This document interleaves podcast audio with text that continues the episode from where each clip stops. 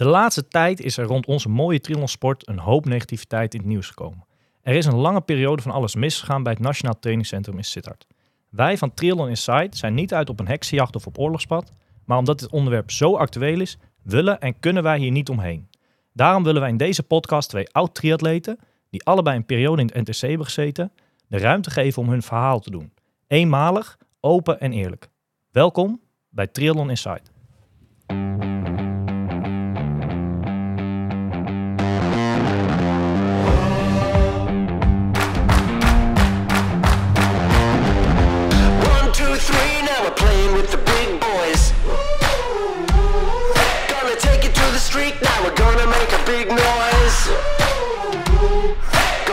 So high, now we're rising up. Are you ready now? Turn it up. Are you ready for this? Nou, ready zitten ze zeker. Eh, de mannen, ik wil jullie weer van harte welkom heten. Milan Brons en Wesley de Does. Mannen, hoe is het? Ja, goed. Goed weekend gehad. Ja? Ja, zeker. Dus eh, ik merk in ieder geval in mijn geval aan alles dat het eh, sinds dat het vrijdag eh, dat de temperatuur wat omlaag gegaan is, dat het, eh, het sporten weer even een stukje beter gaat dan, dan de afgelopen anderhalf, twee weken. Ja. Zat je in een klein dipje dan? Kunnen we daar... Nou ja, kijk, we hebben vorige week besproken hoe mijn, hoe mijn race in Samorin ging. Eh, niet super. Alle trainingen daarvoor met die hit, eh, een beetje ja, alles opgestapeld natuurlijk. En ik merkte al vorige week, wo- woensdag, donderdag, dat het nog steeds niet helemaal lekker zat. Maar, eh, maar nu eh, gelukkig eh, sinds inderdaad aan vrijdag dat het weer de betere kant op gaat. En ja, nog steeds niet 100%, maar de trainingen gingen dit weekend in ieder geval erg lekker. En, en, en waar kan je dat aan merken dan? Wat, wat zijn de kleine dingen dat je dat nu dan weer zo kan zeggen? Ehm, nou ja, ik denk dat het voornamelijk is dat je, dat je gewoon, ja, door- doordat de eh, temperatuur een stuk lager is, dat, dat je lichaam gewoon eh, ja, lekkerder bezig is. Ik bedoel, minder, eh, je- ja, je, je- vraagt minder energie van jezelf als het, eh, als het wat, eh, wat kouder is. En, eh, En s'nachts vooral ook, en denk ik? s'nachts gewoon een betere rust. En eh, ja, ik zie het gewoon terugkomen in, eh, in hoe het sporten gaat. Het gevoel is een stuk beter, maar ook eh, ja, toch al de, de welbekende tijden en, eh, en vermogens eh, zijn een stukje Ja. beter. En dat is heel kinderachtig, maar dat geeft dan toch weer vertrouwen. Eh, ja, op zich zeker wel. Ik bedoel, vorige week zei ik inderdaad ook van eh, dat, dat, ik, dat ik niet een klap heb gekregen of wat dan ook eh, na die race in een mindere race. Maar eh, dat, eh, het vertrouwen dat ik in vorm ben, dat is, dat is er zeker. Maar dat eh, wordt er nu wel een beetje bevestigd. Maar, eh, dus eh, ja, nog een weekje en dan, dan, dan een beetje taperen en dan gaan we ervoor. Ja. Wesley, hoe is het met jou? Ja, zo'n week na, eh, na zo'n hele staat in het teken van herstel natuurlijk. Dus dat heb ik afgelopen week gedaan. De eerste drie dagen, ja, niks gedaan. Daarna rustig wat, wat, wat gefietst en gelopen. Nou Maar ja, allemaal- rustig gefietst. Vrijdag heb je gewoon eh, ja, wat vrijdag wel even doorgeknald. inderdaad. 180 kilometer of zo. Met Stef samen inderdaad wat, wat intervalletjes gedaan. Maar met fietsen heb ik eerlijk gezegd wel ja, wat, wat minder last. eh, waar ik, eh, met lopen altijd wel even voorzichtig met, na zo'n hele. Ik had begrepen dat jullie vrijdag nagenoeg eh achter elkaar reden. Of, of hè, Ja, we hadden, we hetzelfde hadden rondje samen kunnen rijden Ja, inderdaad. toevallig hetzelfde rondje. Die mannen vanuit eh Hilversum of Weesbaan inderdaad. Eh, ik vanuit Ja. Almere, dus een stukje korter. Maar eh, wel hetzelfde rondje. En eh, ja, we hadden van tevoren... Ik wist wel dat Stef ook ging rijden. Maar ik, ik dacht van, ik moet, weet je, ik moet mijn eigen blok en dat soort dingen allemaal rijden. Toch een beetje gedoe om dan samen te rijden. En eh, ik vond het even lekker om mijn eigen dingetje te doen. Maar ja, Ja. ja ik denk dat we echt eh, tien minuten achter elkaar reden. Ja, ik zat in een eh, zware bui bij Elburg. Maar die mannen hebben niks ge- gezien volgens mij. Even Ja, voor, we de, hadden ook wel regen. Oh, oké. voor de duidelijkheid, jullie hadden een rondje Flevoland eh, gefietst, hè? Check, ja. Ja. Ja, dat is altijd bij mij. Ik, ik vind het heel lastig om dan pas op de plaats te maken of zo. Hè. Na zo'n hele. Ik wil aan de bak, weet je wel. En, dan is dat zo lastig om, eh, om vrij weinig te doen. Maar eh, ja, vanaf vandaag mag ik weer eh, mijn schema zeg maar oppakken. ja. Jij moet ook wel aan de bak. Moet ook wel, ja. Dus dat, dat vind ik altijd wel lekker. ja. Nou ja, er was nog geen week later en je zit alweer op dat soort ritten. Dus dat is best knap inderdaad, toch? Ja, dat ging lekker. Ja. Ja. Hoe is het met Stef, jongens? Wat, wat, hoe, we hebben hem natuurlijk van de week hier te gast gehad. Eh, wat heb je links en rechts zo'n beetje als reacties ervan vernomen? Nou ja, eh, wederom weer dat het een, een, mooi verhaal was. Hè. Ik denk dat het eh, voor velen misschien, eh, eh, zeker eh, voor pro-atleten, ook wel herkenbaar is. Ja. Eh, die onzekerheid, die stress die je voor een wedstrijd hebt. Ehm, en dat merk je wel. Ehm, verder heb ik Stef gesproken. Hij heeft weer lekker, eh, lekker getraind de afgelopen Ja. week ook. eh, Hij zit er volgens mij ook weer goed in, hè? Ja, hij heeft weer vertrouwen gekregen, ook in de trainingen die hij gedaan heeft. En eh, ja, het is nu aan hem. Het is nog eh, twee weekjes, of anderhalve week. Ja. Ja. Dus dan eh, moet hij aan de bak. Ik ga hem zo eens even bellen, kijken of die telefoon uitstaat. Ja. Hoe is het met jou, Omar? Een paar dagen verder? Eh, goed. Ehm, dru- druk weekend. Er was genoeg te volgen en, en te checken. Er waren veel races en eh, daar gaan we zo ook wel even over komen. En eh, ja, zelf eh, ook het een en ander gedaan. Niet extreem veel. Nog een beetje druk met de afhandeling van mijn laatste dagen bij eh, mijn huidige werk. En eh, het einde is in zicht. En dan, eh, Vanaf 1 september knallen. Ja, hopelijk dan, dan, heb ik weer de term of de, de titel triatleet achter mijn naam. Nee, dat Precies. eh, moet weer heel langzaam gaan komen. Ja, en, eh, van de week wel eventjes eh, junkie junkie stijl een heel lang stuk hard gelopen. Even kijken, wat was helemaal niet het plan. Ik had ook geen jelletjes voeding of weet ik veel mee. Maar het was mooi weer en het ging wel lekker. Ik denk, nou dan plakken we dit hoekje er ook nog aan vast en dit hoekje ook nog eventjes. Ik begreep zelfs dat jouw vriendin haar moeder had gebeld. Het was paniek. Het was omdat paniek. je zo lang wegbleef. Ja, het nou, dan een gaat het goed hoor. ingewikkeld verhaal. Ik was bij eh, in het hoge zat je gewoon noorden. ergens op het terrasje of zo. Nee, nee, nee, nee. Ja, nou, strafen. Ja, het valt. Ja, als je op een fietsje zit en je hebt ook strafen aan, dat kan natuurlijk wel. Je kan hem hacken natuurlijk. Eh, nou ja, ik zal daar eens eventjes eh, trucjes voor gaan leren. Nee, dit was gewoon wel een, een echte run. Ik was bij eh, mijn schoonouders in Winschoten en daar een hele run eh, gedaan. En inderdaad was wat paniek, want men was niet gewend dat ik zo lang wegbleef. Dat is natuurlijk ook een tijd terug. Eh, laat staan met hardlopen. En eh, nee, er was paniek inderdaad. Ik kwam op een gegeven moment mijn schoonmoeder in de auto tegen en er was paniek. Ik had wel mobiel mee, maar op vliegtuigstand. En ja, dat, Tijd voor jezelf. Paniek in de tent was het. hey mannen, eh, mijn eerste eh, ja, nou ja, vraag over het weekend. Zijn er dingen opgevallen? Eh, hoe hebben jullie het weekend beleefd? Nou, sportief hebben jullie net uitgelegd, maar ja, vooral rond de wedstrijd ook. Want er was weer genoeg. Ja, dat was heel hoop. Max Verstappen wint de Spa. nou, daar kunnen we de podcast mee eindigen. Want dat... nee, die man, dat is niet normaal hè, op dit moment. Nee, dat is, dat is wel een klasse apart inderdaad. Maar goed, was, was een geintje. Nee, eh, er was op triathlongebied een heel hoop eh, te doen en te beleven dit weekend inderdaad. Eh. Ik denk dat eh, misschien wel het grootste evenement dit weekend was volgens mij in Noorwegen. Bij, eh, in, in, in Oh, Bergen ja. was dat. Dat was op, het, eh, ja, op de geboorteplek van, eh, van, de, van de Bloemenveld en Iden en die eh, jongens allemaal. En die hebben... Hij won hem bijna, hè? Hij won hem bijna, ja, niet helemaal. Maar eh, nee, eh, inderdaad, Bloemenveld die werd tweede achter de Fransman Konings. En, eh, en derde werd een andere Noor, een iets, iets onbekendere jongen, Vedle Thorn. Maar, maar goed, als je daar derde wordt, is dat gewoon super, super knap natuurlijk. Maar ik weet niet of jullie hebben gezien. Ik zat, wel, ik zat wel even een beetje mee te kijken, maar ik vond het wel heel erg gaaf eruit zien. Volgens mij hebben die jongens een beetje ehm, zelf mogen ja, bepalen hoe het parcours eruit zag. Nou, het zag er ook echt uit als gekke werk. Kasseitjes op Ja. en af. En eh, een haarspelbocht naar beneden. Eh, was wel heel tof. En het hele leek wel... Nou, het- niet alleen het hele dorp, maar het leek wel alsof, eh, alsof heel Noorwegen was uitgelopen. Zo druk was Ja. het daar. Gewoon stond vier, vijf rijen dik. Bergen, dat is waar eh, het WK wielrennen een paar jaar terug was, toch? Dat zou kunnen. dat Waar Tom niet. Dumoulin toen wereldkampioen tijdrit werd, die klim en noem het maar op, volgens mij wel. Het zou heel goed kunnen. Ja. Ik weet het niet. Ja, nou, tof. Maar wel bizar hè, dat Blumenveld die wint St. George, een hele. Die, el- die is op elke afstand gewoon de baas hè, bij Ja, het is echt, eh, echt ongekend wat een niveau die, eh, die jongens halen. Ik bedoel, eh, vorige week doet die Collins Cup. Dat is dan een, nog iets korter dan een half inderdaad, dan de 280-18 race. Maar goed, ja, die mannen zijn gewoon afgelopen bijna jaren al vol, vol aan het trainen na de Olympische Spelen. Vol aan het trainen voor de, voor de Ironman en, en niet onverdienstelijk. En, eh, en ze zijn eigenlijk nu dan na de Collins Cup kijken ze uit naar, eh, naar Hawaii natuurlijk over, over een paar weekjes. Eh, maar goed, ja, dit, dit kwam er even tussendoor en hij won hem inderdaad bijna. Het was een, hele interessante race om te volgen op het lopen, waar heel veel mannen bij, dicht bij elkaar bleven. Bloemenveld die moest het, ja, omdat hij de snelheid mist, niet hebben van een eindsprint. Dus hij begon al vanaf bijna twee kilometer vol aan te gaan. Nou, hij kreeg ze er niet af, maar eh, dus het was niet helemaal eh 100% een mooi feestje dat hij hem ook nog won. Maar het was wel heel erg ongekend en eh, gaaf om te zien hoe, eh, hoe het er eruit zag. Waar haal jij al die tijd vandaan om dat allemaal te volgen? Want jij traint ook, eh, je hebt aardig wat getraind ook eh, het weekend, toch? Jawel, maar als je veel moet trainen, dan moet je ook lekker rusten, toch? Oké, ah, oké, dit was tijdens rust. eh. Dit was tijdens het rustmoment. Oké, ja. Nee, een andere race was, eh, was in Oostenrijk, eh, de halve Ironman in Zee. Ik heb daar Ja. zelf een paar keer mogen meedoen. Ik vind het nog steeds, ik heb best wel veel toffe races geda- gedaan inmiddels, maar ik vind Zee nog steeds echt een van de meest mooie wedstrijden die ik, die ik tot nu toe gedaan heb. Het is echt zo'n mooie omgeving daar. Ik heb wel twee keer meegaan, moet ik zeggen, ook, eh, toen het ook echt hele mooie omstandigheden waren. Ja, dat Lekker- was het nu lekker niet, hè? zonnetje. Dat was het nu zeker niet. En het is de afgelopen jaren daar vaker slecht weer geweest dan, dan, dan, dan wel goed. Zelfs verkeerde fietsen geloof ik afgelast vanwege sneeuw op de, Ja. op de bergtop. Mhm. Dus dat, eh, ja, dat weet je natuurlijk nooit eh, tussen de bergen. Het eh, weer kan snel omslaan. En nu was het helaas ook niet al te best. Maar Een oude bekende van ons op podium.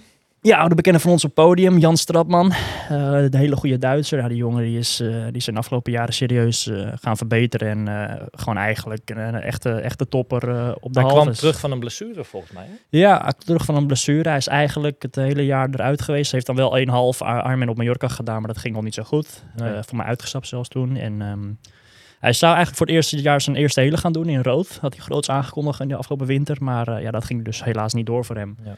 Dit was zijn eerste comeback eh, race. En eh, ja, eh, behoorlijk goed, eh, denk ik. Ik zeg oude vriend, want even zonder dolle, maar we hebben een tijdje met hem samen gewoond in Hillegom eind 2018, een paar Ja, maanden. ja.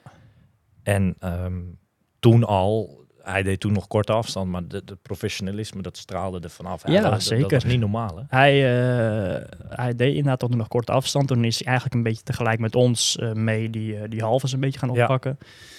Nou, je, je ziet waar het hem gebracht heeft. Ja, dat NK in 2019 deed hij uit het niets mee, weet je? Ja, dat was zijn eerste halve. Het Nederlands Ja. kampioenschap halve in Klassino Veen. Dat was zijn eerste halve. En eh, nogmaals, met Stef zeiden we dat vorige week ook al. was hoop gebeurd, die, eh, die race. maar hij won hem uiteindelijk, ja. Ja, terwijl hij er niet meer bij zat met fietsen toen, kan ik me herinneren. Nee, dat was zijn eerste keer op een tijdenfiets in een race. En die Ja. moest flink lossen toen. Maar, Ja. Maar goed, hier eh, werd hij, eh, werd hij Ja, eh, knap. tweede. Mooie ontwikkeling doorgemaakt, die jongen. Ja, zeker. Ja, Frederik Vonk die heeft gewonnen. Die was vorige week in Samorin natuurlijk ook heel goed. Die, ja, de jongen is, eh, die Goed is bezig. Echt, ja. echt goed bezig. Ja. Er werd een Italiaan, werd eigenlijk tweede, maar die was eh gedisqualificeerd. ge- ja, die, die, die, ik heb het even gevraagd aan, aan Stratman vandaag. eh, van ja, wat is er met de Italiaan gebeurd? Nou, die scheen eh, tijdens, het, eh, tijdens de afdaling, sch- scheen die een paar keer of één keer, ik weet, of meer, ik weet niet precies, Ja. de middenlijn overgegaan te zijn. Ja. En ze hadden bij de briefing de dag van tevoren hadden ze duidelijk meermalen aangegeven van hey, dit, eh, dit mag niet, we gaan daar echt streng op zijn. En dat is dus ook gebeurd. En dat is dus helaas gebeurd bij die jongen. En hij werd tweede, hij was als tweede over de finish gekomen. Hij stond ook op het podium na, achter, na afloop. ja. Maar eh, een poos later is, eh, is hij uit de uitslag geschrapt. En dat schoof iedereen een plekje op. Halve maar Vonk, want die lag eerst. Dat is toch zo raar dat dat. Want heeft zo'n jongen tijdens die wedstrijd. krijg je daar niks van mee? Dan krijg je dat niet te horen. Hoe kan je, hoe kan je nou. Ja. Is hij hem gefinished in de veronderstelling? Gewoon, ik word tweede. Een beetje zoals Juri Keulen laatst ook een keer een wedstrijd won, een halve. En gewoon uit de uitslag daarna. Dat, dat is toch heel. Dat is heel gek, maar ik ben er niet bij geweest natuurlijk. Dus, Nee, ja. eh, dus ik weet niet wat daar tijdens het fietsen gebeurd is. Eh, wie weet is het hem pas na, na afloop van de race gezegd. Misschien is het tijdens het fietsen wel gezegd, maar dat hij dacht van ja, bekijk het allemaal. Eh, ik, vecht het, ik vecht het na afloop wel aan of wat dan ook. Eh, maar goed, hij is eruit gehad. Zit je niet lekker eh, op maandag terug in je auto of in het vliegtuig terug naar nee, huis? dan eh? baal je wel, ja. Ja. Was er verder eh, in, in Nederland volgens mij ook het een en ander? Nou, maar bij deze wedstrijd deed ook een Nederlander mee, hè? Evert Scheltinga. Uit, ja, zeker. En, en, en Daan Schouten. Daan Schouten. En Els Visser. En Tessa Kortekaas. Tessa. Bij de pro's hebben we het dan over. Het was druk. Er waren best wel wat, eh, wat eh, landgenootjes daar. Ja. Evert Scheltinga. Ja, ik denk bijna eh, een kopie van Milan een week terug. Eh, en volgens mij, eh, ik heb wat een, een reactie van hem gelezen. Ehm, een paar jaar terug kon je, kon je met het... Kijk, hij is in training ook net als, als Milan, als Stef, weet ik veel, eh, voor Almere over twee weken. Die jongen die zit alleen maar lange afstand natuurlijk te trainen. Als je dan deze er tussendoor pakt. Een paar jaar terug kon je misschien dan nog scoren met dat niveau. En nu, hij is waarschijnlijk super in vorm gewoon. Alleen niet op deze afstand. Dat Nee. komt er dan net- niet uit. Ja, Zoiets en, wa- en waarschijnlijk, eh, inderdaad, jij zegt een nagenoeg een kopie van mij van vorige week. Ah, dat waarschijnlijk ook. gewoon niet eh, uitgerust genoeg. Nou, niet Om- genoeg snelheid ook, dat, dat zei hij zelf Nou, het volgens is mij een combinatie van natuurlijk niet genoeg snelheid. Ik bedoel, die, die jongens zoals zo Strabman en zo Vonk, ja, die, dat zijn gewoon, die hebben nog geen heles gedaan. Die focussen Nee. zich tot nu toe vol op de halve. Eh, je ziet dat die daar heel goed in zijn. En je ziet dat de mannen van, die echt op de hele focussen toch iets anders trainen blijkbaar. En eh, toch een, eh, een iets En- andere race doen bij, de- bij een Ja. halve. En, eh, maar, maar inderdaad, ik denk dat Evert, ja, net als ik vorige week, gewoon een, een zwaar trainingsblok achter de rug, te richting- achter de rug heeft richting schreef, Almere. En, hij schreef zelf volgens mij tevreden, maar ook een beetje ontevreden. Maar hij had het vorig jaar ook, hè? Evert staat er over twee weken gewoon. Hoor. Vorig jaar was precies hetzelfde. En toen, eh, we weten allemaal hoe die race van hem gegaan is. Ja. Els, zesde. Ja, ehm, had ik niet, had ik niet, misschien niet helemaal verwacht. Ik bedoel, eh, iedereen verwacht natuurlijk van haar, als ze is, eh, Ja. ze, ze gaat makkelijk weer races winnen. Ehm zesde, supergoed natuurlijk. Mhm. Ook zij, ja, je komt op hetzelfde neer als waar we het net over hadden. Ook zij is in voorbereiding op Heles. Mhm. Eh, zij heeft nu al een poos inderdaad geen wedstrijden meer gedaan. Ja. Ehm, wat een beetje lopen kwakkelen met wat, met wat probleempjes, wat pijntjes. En, en, nu, en nu gewoon wel weer fit, blijk, blijkbaar. Ja, we gaan het zien over twee weken. Ik denk Ja. dat dat gewoon een mooie, mooie race is om even alles uit te proberen weer. En, eh, Die gaan er allebei gewoon staan. Ja. Dat is geen, geen twijfel over mogelijk. Dat, dat- die staan er gewoon allebei. daar gaan we wel vanuit, toch? Ja. Hey, eh, Almere, ik heb nieuws. Vertel, Start nummer 4. vertel. Dat, dat, dat wordt jouw startnummer. Dat wordt mijn Start startnummer. Oké. Ja. Oké. Ik heb dat in de wandelgangen gehoord. En eh, nou, dat is geen slecht nummer, toch? Koeman. I- Was dat zo, Koeman? Ja? Ja, nou ja, start nummer 4. Ja, Nou ja, mooi ze, getal, ze, zeggen toch altijd, uh, proberen je startnummer te verslaan of wat dan ook. Dus dat dan, zou eh, in jouw geval een mooie mooi zijn. Ja. ja, we gaan het zien. We gaan het zien. Eh, ik noemde het net al, maar er was ook Eredivisie. Er was ook eredivisie, zeker. En dan Eh, heb ik het niet alleen over eh, Utrecht-Ajax, maar er was ook eh, Eredivisie in Klassina Veen, volgens mij. Ja, nee, zeker.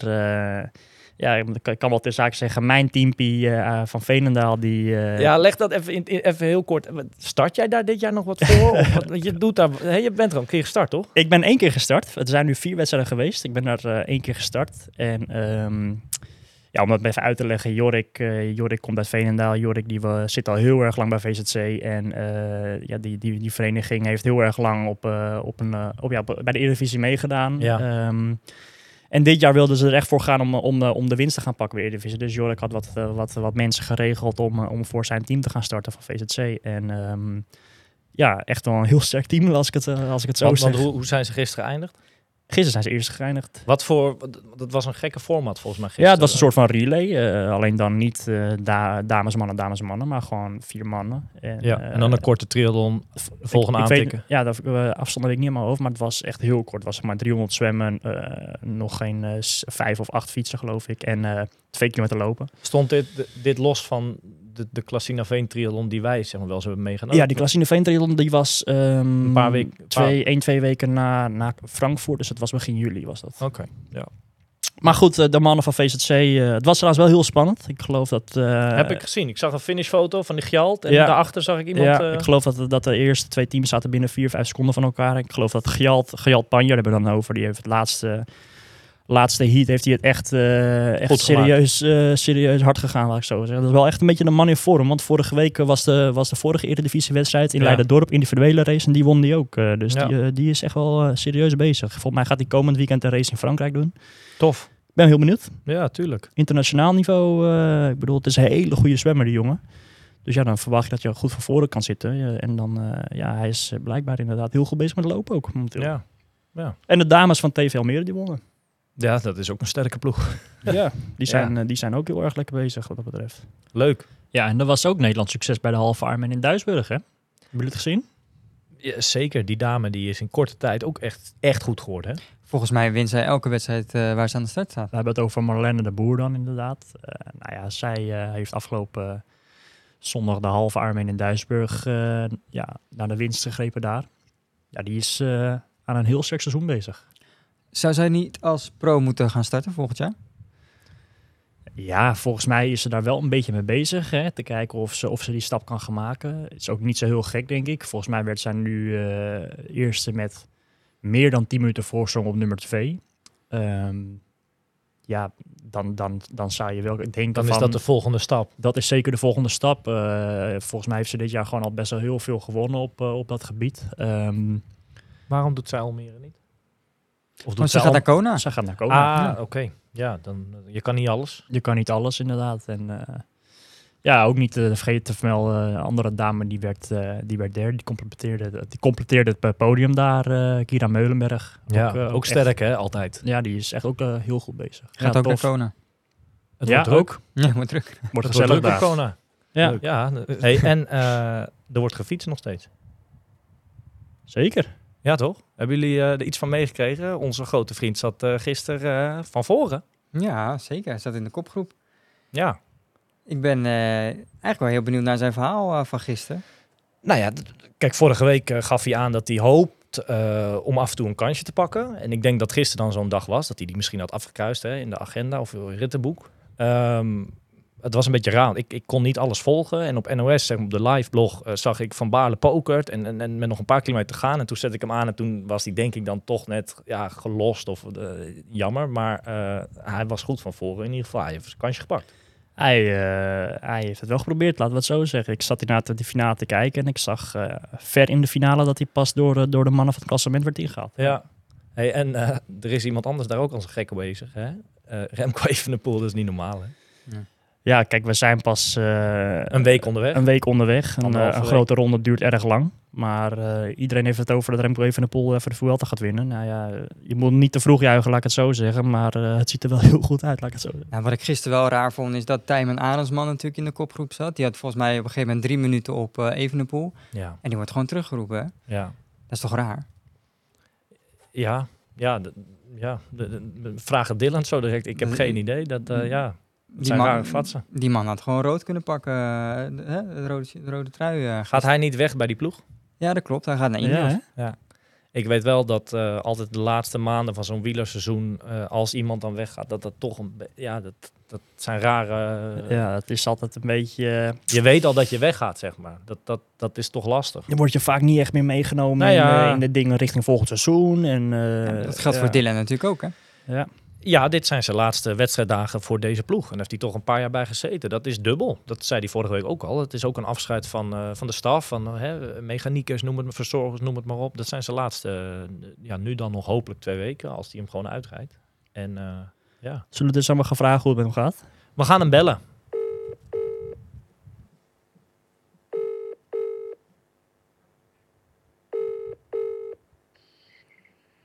Yes, Dylan, goedenavond. Goedenavond, mannen. Hey. Goedenavond. Hoe is het? Ja, goed. Met jullie? Ja, goed Dylan, goed. Heb je een, een lekkere rustdag gehad? Ja? ja, dat was wel, eh, was wel nodig na gisteren. eh, lange reis gehad, joh. Ehm, veel wachten.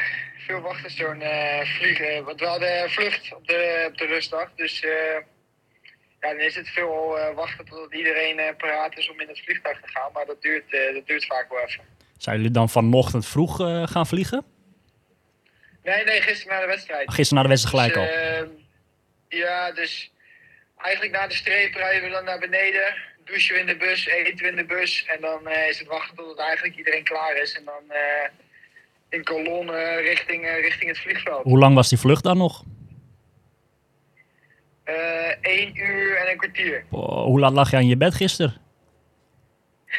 Ja, dat zijn nog wel een reeks vragen. Hoppatee, bam, bam, bam. Gelijk erin. Hoe laat zei je, Dylan? Sorry? Nee, ik zeg dat zijn nogal een reeks vragen die Milan achter elkaar even keihard stelt. Hij wil even alles van je ja, weten. Ja, gewoon eh, gelijk bam, bam, bam. Dan wordt ze gelijk in. Nee, half twaalf eh, was het gisteren. En is dat dan, ik heb wel eens wat beelden gezien, ik geloof een rustdag van de Tour of zo, dat dan zo'n heel zo'n vliegtuig zit vol met alle, want het is echt een vlucht voor de Vuelta dan, toch? Neem ik aan. Het is alleen maar ploegen, noem het, of niet? Ja, dus, dus een ploeg heeft volgens mij eh, twaalf tickets, als ik het goed heb. Ja. Dus eh, acht renners en eh, vier stafleden. Dus dan de, de ploegleider, twee ploegleiders. Zeg ik het goed? Twee ploegleiders, eh, een verzorger en de dokter. En de rest gaat allemaal per wagen eh, door. Ja, de rest gaat dan per wagen eh, ja, richting de volgende bestemming. Maar ja, deze Vuelta is een beetje anders, omdat we natuurlijk twee vluchten hadden, Ja. hebben. Ehm, eerst vanuit Nederland naar, naar Spanje en nu, nu weer helemaal naar het zuiden van Spanje. Ja. Hey Dylan, ehm, we waren even het weekend met z'n drietjes net aan het bespreken. Allerlei triathlons zijn er geweest. En toen kwamen we ook bij jou uit dat er ook nog steeds gefietst wordt in Spanje. En ook niet zo'n beetje, want je was aardig in de aanval gisteren. Ja, klopt. Het was, was niet helemaal de bedoeling. Ehm, het was meer de bedoeling dat we met eh, ja, grote groepen, dus van een mannetje of 15 plus, eh, mee zouden springen. Ja. Ehm, maar als je, als je een beetje aan het meespringen bent, ja, dan, dan kan het wel zo zijn dat, dan, ja, dat je dan eh, bij iemand in het wiel zit en eh, die wilde naar de kopgroep toespringen. En eh, ja, daar zat ik toevallig en eh, ja, toen reden wij weg. Dat is toch grappig, man. Dat het, ja, dat het eigenlijk niet... Ongepland. ja, oké. Maar Ja. goed, dan kwam je behoorlijk ongepland, kwam je wel eh, behoorlijk ver in de finale mee. Ja, ja eenmaal eh, dat ik in die kopgroep zat, dacht ik van eh, ja, dan moet ik er maar vol voor gaan. Ehm, ik had er ook best wel veel vertrouwen in eigenlijk, want ik voelde me de hele dag best wel goed. Ehm, maar dat ver- verdween best wel snel op de laatste klim, zeg maar. Ja. Oh, ik, zag, eh, ik zag op een gegeven moment inderdaad dat je nog even in beeld kwam toen die, eh, toen die mannen van het klassementje inhaalden in die, op die slotklim. Heb jij dan ook nog voor, jou, voor jouw ploegmaat, je ploegmaat staat goed klassement, hè? heb je dan nog voor hem nog wat kunnen betekenen gisteren? Ja, er was een klein vlak stukje op eh, een kilometer voor het einde, denk ik. Ehm, en Remco die kwam, eh, denk ik, op anderhalf kilometer voor het einde kwam die mij voorbij. Dus ik, ik zat een beetje te kijken achterom waar die mannen zaten. Want ook nog mijn radio eh, was ermee opgehouden. Dus ik had geen radio. Dus ik wist helemaal niet eh, wat er... wat er gebeurde in de koers. Dus ja, toen bleef ik een beetje achterom kijken. En toen zag ik Carlos Rodriguez met Ayuso en... ehm wie was hij nog meer? Was hij alleen met Ayuso? Nou ja, in ieder geval, die, die kwamen aansluiten. En eh, toen dacht ik, ja, ik, ik, moet, ik moet naar het vlakke stukje toe. Dan eh, kan ik hem nog een klein beetje, een beetje helpen. Dus ja, ik, eh, ik heb eigenlijk volle bak gereden tot het vlakke stukje. En toen nog een klein stukje voor hem op kop gereden. Ja. Ehm, om ja, toch proberen de schade een beetje te, te beperken. Ja, maar veel zat er niet meer op. Ja. En je noemt net al die naam, hè? Die Remco even, dat is niet normaal op momenten. Nee, die, die rijdt echt als een raket. Ja. Ehm, Is ze zeiden altijd dat hij eh, moeite had op, op steile aankomsten. Ja. Maar eh, Deze week dat niet. heeft hij ook, eh, ja, heeft hij ook bewezen dat hij dat, eh, dat, hij dat goed aan kan. is, is de beste man, is hij te stoppen de komende weken? De- de- j- jullie moeten met een, een sterk plan komen, denk ik. Ja, we moeten met een masterplan komen. Ja. Even met vijf ploegen samenwerken. Nee. Ja, want, dit hadden jullie niet verwacht, hè? Want jullie hadden natuurlijk Nou Car- ja, weet Car- je, Carapaz als, eh, als leider. Maar dit hadden jullie niet verwacht, Sorry? toch, in die zin? Eh, nee, we hadden inderdaad eh wat een Carapaz als, eh, als kopman. En dan eh, drie jongens met dus Pavel Sivakov, Theo Gegenhardt en eh, Carlos Rodriguez als backup kopman. Ehm, waar Carlos Rodriguez dan misschien wel eh, dan op plaats 4 kwam. Maar ja, die, eh, die ontpopt zich nu tot eh, onze klassementsleider. Ja. Dus ja, dat is een beetje onverwachts. Maar eh, ja, daarom zijn we ook eh, met ja, min of meer vier kopmannen gestart. Ja, grappig. Hey, eh, verder een rustig dagje gehad vandaag dan? Of heb je nog op de fiets gezeten? 70 kilometer gefietst zag ik voorbij komen. Ja, 70 kilometers gefietst. Eh, we hebben tijdritparcours verkend voor morgen. Dus eh eventjes op de tijdritfiets gereden. Want we hebben natuurlijk die nieuwe, wat is het, eh Pinarello F eh tijdritfiets. Eh, ik weet niet of jullie die al gezien hebben, Mhm. maar eh, ja, eindelijk, eh, eindelijk met schijfremmen ook voor ons. Dus Oh, tof. eh, ja, dat was wel, eh, was wel even goed om dat parcours te zien. Ja. Morgen rond eh, Alicante, hè?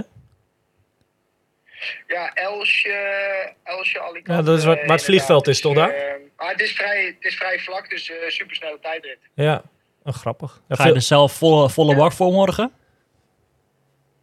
Ja, dat is wel de bedoeling. Ik, eh, de afgelopen twee dagen voelde ik me eigenlijk eh, steeds, eh, steeds beter worden. Dus ja, kan een, een kilometer of een tijdritje van 30 kilometer, kan er dan ook wel, Ja. kan dan ook wel vanaf. Toch? Tof, nou, ik ben benieuwd. Spannend. Hey Dylan, ja, ja, ja. wij hebben op onze Instagram vandaag hebben we de mogelijkheid gesteld aan mensen dat ze vragen konden insturen voor jou.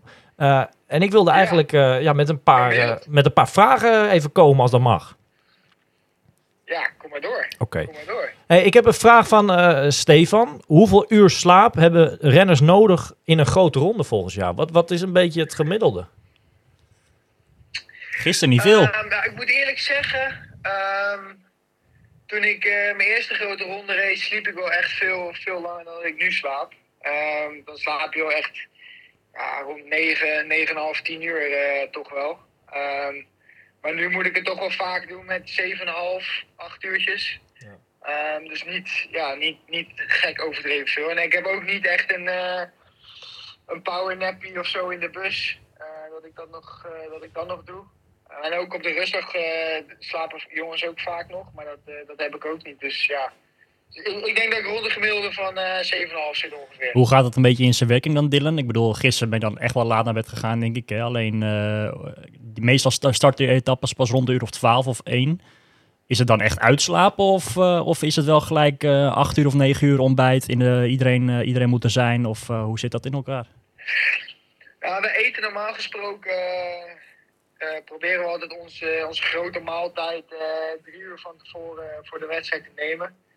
Dus eh, laten we zeggen dat een etappe om één uur start. Dan eh, is om tien uur eh, eet je naar je grote maaltijd. Dus vaak als ik dan vroeg wakker ben, ik ben meestal rond een uurtje of acht uur, half negen wel wakker. Ehm, Dus dan ga ik, we hebben een keukenwagen. Dus daar maakt onze chef onze, eet, ja, ons eten klaar en kunnen we ook eten. Ga je alvast lekker ik snacken. wel op mijn gemakje heen, even een, een eitje met, met, met wat brood en, en wat avocado. Het gemakje eten, koffietje maken. En dan eh, neem ik vaak de rijst, dat we dan eten voor de koers neem ik dan mee naar de kamer. Dus dan probeer ik dan altijd wel rond eh ja, 3,5, 3 uur, 2,5 uur van tevoren eh, voor de koers te nemen. Ja. Het is jammer dat ik geen wielrenner ja, ben je, geworden. je, kan, je kan uitslapen hoor, je kan uitslapen. Maar ja, dat eh, zit er bij mij helaas niet in. Ja. Nou, dit klikt wij wel wat in de oren. Eh, Kan ik niet mee naar Jumbo-Visma? Ja, dat jullie denk ik ook zo, toch? nou, zo luxe. Maar dit klikt mij wel goed. Eh, Een eetwagen, jongens.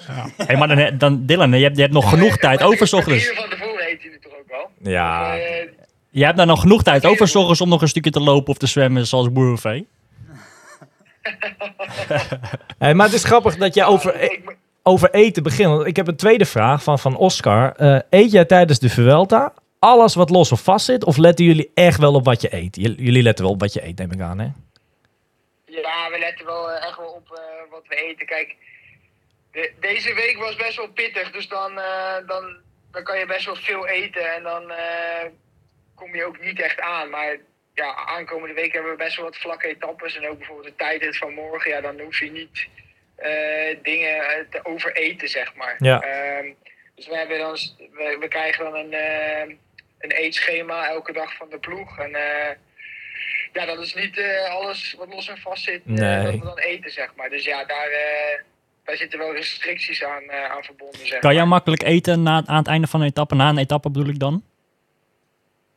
Of ik kan eten. Ja, kan je makkelijk eten of, of heeft je lichaam echt zoiets van, Ja, ik hoef er heb echt niks? eigenlijk eh, nooit, nooit problemen mee. Ehm, ik, hoor wel, ik hoor wel eens jongens die, die dan moeite hebben om s ochtends, bijvoorbeeld voor een klassieker of zo, eh, dan eten we vaak eh, best wel vroeg. Want die, die starten natuurlijk al best wel eh, op tijd. Dat ze dan moeite hebben om, om te eten. Maar ik heb het idee dat eten mijn tweede hobby is. Dus mooi Ja, ik, ik heb nog een vraag van, van Jort. Hoeveel calorieën eten jullie op een wedstrijddag? Plus minus. Ja, dat hou ik eigenlijk niet zo heel erg bij. Maar je moet ongeveer vanuit gaan dat we ehm, gemiddeld gezien ehm, eet je ongeveer, eh, denk een, ki ja, een kilo aan gekookte rijst ehm, eet je wel weg. Ja. Ehm, en daarbij komen dan ook alle, no- nog alle, al het eten wat je dan in de koers natuurlijk neemt.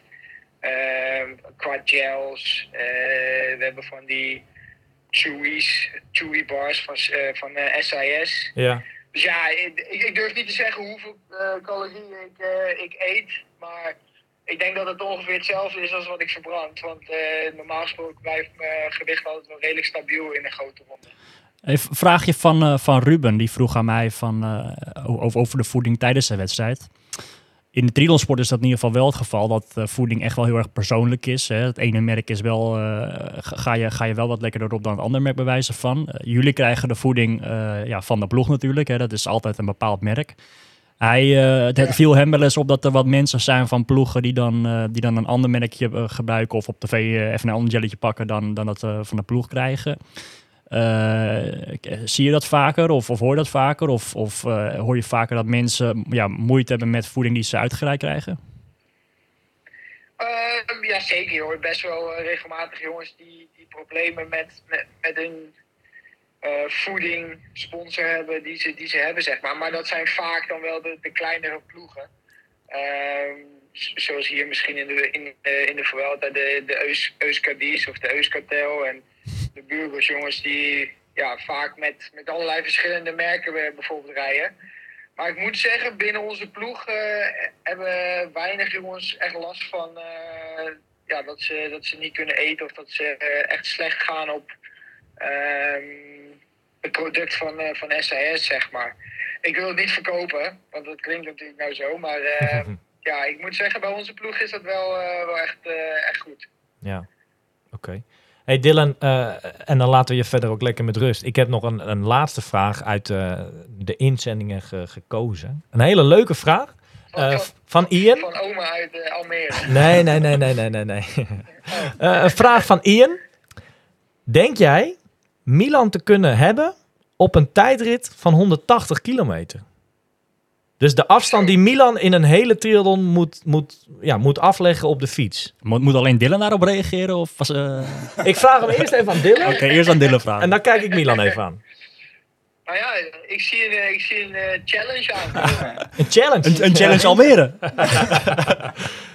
Nee, maar, nee, maar dat, dat is een gekke vraag Ja, durf ik natuurlijk. niet te zeggen. Kijk, eh de langste tijdrit die ik, eh, die ik ooit heb gereden, dat is ja, zo'n 50, 55 Ja. kilometer zijn geweest. Dus ehm, ja, langer heb ik eigenlijk nog nooit op, eh, op een tijdritfiets gezeten. Dus eh Ja. nou, vind ik moeilijk om te zeggen. Maar ehm, Zou je het je kunnen inbeelden? Zou je het je kunnen inbeelden 180 kilometer lang op die fiets, zeg maar? Dat- Kijk, nou zijn jullie, hoe jouw fiets is afgesteld, is natuurlijk wel iets anders dan misschien een triathlonfiets. Maar zou je het je kunnen voorstellen, 180 ja, maar kilometer? is denk ik wel redelijk, redelijk hetzelfde natuurlijk. Ehm, ja, nou ja, wat ik me niet kan voorstellen is dat je daarvoor al hebt gezwommen en daarna nog een marathon eh, rennen. Nee. Dus dat kan ik me in ieder geval niet voorstellen. Ik kan me wel voorstellen dat ik 180 kilometer op een tijdritfiets zou, eh, zou kunnen rijden. Ehm, maar ja, hoe, hoe snel dat dan zou gaan, ja, Ja. Dat, dat durf ik niet te zeggen. Nou, om daar even op in te haken. Er zijn natuurlijk eh, best wel wat jongens die, eh, die uit de profpeloton komen. Die, eh, die, dan, die dan de overstap Ja. of terug naar Tilon komen. Zoals Adam Hansen in het verleden, afgelopen jaren. Of, Ja. of inderdaad zo'n Cameron Worth dan inderdaad. hè. Die, zie je- die zie je en in het peloton rijden en eh Cam FM. Cam FM inderdaad. Ah, je, ziet aan, je ziet aan alles vooral dat, dat eh, eh, vaak de knechten die de eerste 100 of 150 kilometer lang eh, de, de mannen, de kopmannen uit de wind moeten houden. Hè, die zie je vaak dat ze gewoon echt eh, ja, die 180 kilometer lang op, in een triathlon heel erg goed aankunnen. Omdat zij echt gewend zijn om lang Op kop. op kop te rijden op een bepaald vermogen, wat ze lang kunnen volhouden. Dat zie je aan alle- alles dat die jongens knijterhard fietsen. Vorig jaar heeft Adam Hens, die deed dan ook mee in Almere vorig jaar. Die reed geloof ik, ehm Fietsrecord, toch? Ba- fietsrecord heeft hij gepakt. Die deed geloof ik 12 minuten of 14 minuten harder dan dat ik deed. Hij kon dan niet echt meer lekker lopen daarna, maar goed. eh, je ziet wel dat, dat, dat er wel gewoon een verschil is inderdaad. Kijk, nogmaals, eh, over, over iets meer dan 4 uur is 12 of 14 minuten is... Is, is be- het, is, het is best een stukje, maar eh, ja, het is, eh, het is wel over 180 kilometer natuurlijk. Ja, ik, worden niet met uren gesmeten. wat je zegt, dat bijvoorbeeld een sprinter of een echt een explosieve man, die, die zou dat denk ik minder goed aankunnen. Maar vaak, ja, de job die ik ook doe, is, is, is vaak natuurlijk lang op kop rijden en, Ja. en best wel een egaal tempo natuurlijk. En ik ben, eh, ja, ik kan best wel redelijk tijd rijden, dus dat ehm, zou me in principe wel goed moeten liggen, zo 180 kilometer, één, één tempo en, en, dat, en dat volhouden, zeg maar. Hey, Adam Hansen heeft dan vorig jaar het record gepakt. Meer moeite mee hebben. Adam Hansen heeft vorig jaar, het- Sorry? Adam Hansen heeft vorig jaar het record gepakt in Almere. Hij is voor het oprapen, hè, dit record. Dan doe, ik, dan doe ik alleen dat zwemmen er even voor en dan eh, skip ik dat Ah, je, je wel. kan zo'n eh, zo'n wedstrijd doen dat, je, dat iemand het zwemmen doet, iemand anders het fietsen en iemand anders het lopen. Daar, eh, Ja, ja, ja. Ik heb ooit wel eens een, eh duo, een, eh, een gedaan met, eh, met een maat van mij. Dus die ging rennen en ik ging fietsen. oh, kijk. Maar dat was dan niet op de tijdritfiets, maar op een, op een Oh, MTB-fiets. grappig. Zijn die uitslagen ergens te vinden? Sorry? Zijn die uitslagen ergens te vinden? Ongetwijfeld, ik kan ze opzoeken. nee, maar dat was gewoon een, een, eh, ja, een cross eh, loopje dat, eh, dat hij moest doen. En ik moest dan een, eh een cross parcoursje afleggen. Dus het zijn geen, Ah, tof, geen leuk. tijden die we, die we kunnen vergelijken. leuk. En het was waarschijnlijk maar een uurtje wat, wat ik moest doen in plaats van eh, vier uur. Ja, grappig. Nou ja, wie, wie weet in de toekomst. Maar ik, zie een, ik zie een challenge aankomen. Ja, dat Ja. is een leuke. Leuk, kunnen we gaan doen. Kunnen we gaan doen. Hey Dylan, eh, heel veel succes morgen eh, op de tijdrit. En eh, ja, we, gaan hem volgen. Want ja, als je zelf al aangeeft van ja, ik heb hem aangekruist eh, morgen, dan eh, ik ben benieuwd. Ja, ik, ik, kijk, eh, de winst gaat natuurlijk eh, lastig worden. Maar eh, ik hoop wel op een goede top, eh, top 10 plek. Wij ook. We gaan het volgen. Mooi zo. Dylan, eh, mogen we je volgende week nog een keer bellen? Zeker. Spreken we dan weer af. Maandagavond, gezellig. Yes, doen we. Hey, succes daar hè. Bedankt hè. Hoi, hoi. Hoi Ciao, hoi. Dylan. hoi. Ik zie een battle aankomen. 180 kilometer tijdrit Milan versus Dylan. Ja, wie weet. Wie weet. Eh, kijk, eh, normaal gesproken zijn we in de zomers lekker druk altijd. altijd maar eh, Hij had me sowieso een keertje beloofd dat we ergens dit jaar nog aan het einde van zijn seizoen nog een keertje rondje Marken mee gingen rijden. Maar eh, we, Ja, kun- we hebben- kunnen het op een andere manier insteken. hebben we ooit al gedaan, een paar jaar terug, weet je. Ja, zeker. Hij, eh, hij ziet het nog regelmatig voorbij komen dat Ja. ik weer rondje Marco of Fleef aan het rijden ben. En dan denkt hij van, ah, dat wil ik ook wel een keertje met je doen weer. Wat leuk. Leuk. Ik ben benieuwd naar morgen bij hem. Zeker, ja. Als hij zelf daar al over zegt van, nou jongens, ja, morgen is wel een dag dat ik heb uitgekozen. Nou ja, dan, hè? Oud-Nederlands kampioen tijdrijden, dus eh, hij kan het zeker. Ja. Ja. Nou, leuk. Leuk dat we hem even eh, konden spreken weer. Maar jongens, we hebben naast, eh, ja, naast Dylan hebben we een, nog een heel serieus onderwerp eigenlijk wat we willen bespreken. Hè? Ja. Eh, je gaf het al even aan in de intro. Ehm, ja, oma, wat, wat gaan we doen? Nou, allereerst hebben we daar met z'n drietjes eh, en uiteindelijk met onze twee gasten hebben we daar wel eventjes een tijdje over gediscussieerd of we daar, eh, ja, of we dat wilden gaan doen. En uiteindelijk hebben we gewoon eh, ja, alle neuzen dezelfde kant op en hebben we ervoor gekozen om dat wel aan te gaan. Eh, en ja, we gaan het eh, van ze horen. Ja, toch? Ja, zeker. Oké, Eh, we gaan beginnen. Anderhalve week terug kwam het nieuws naar buiten over het onderzoeksrapport naar het topsportprogramma van de Nederlandse Triathlonbond.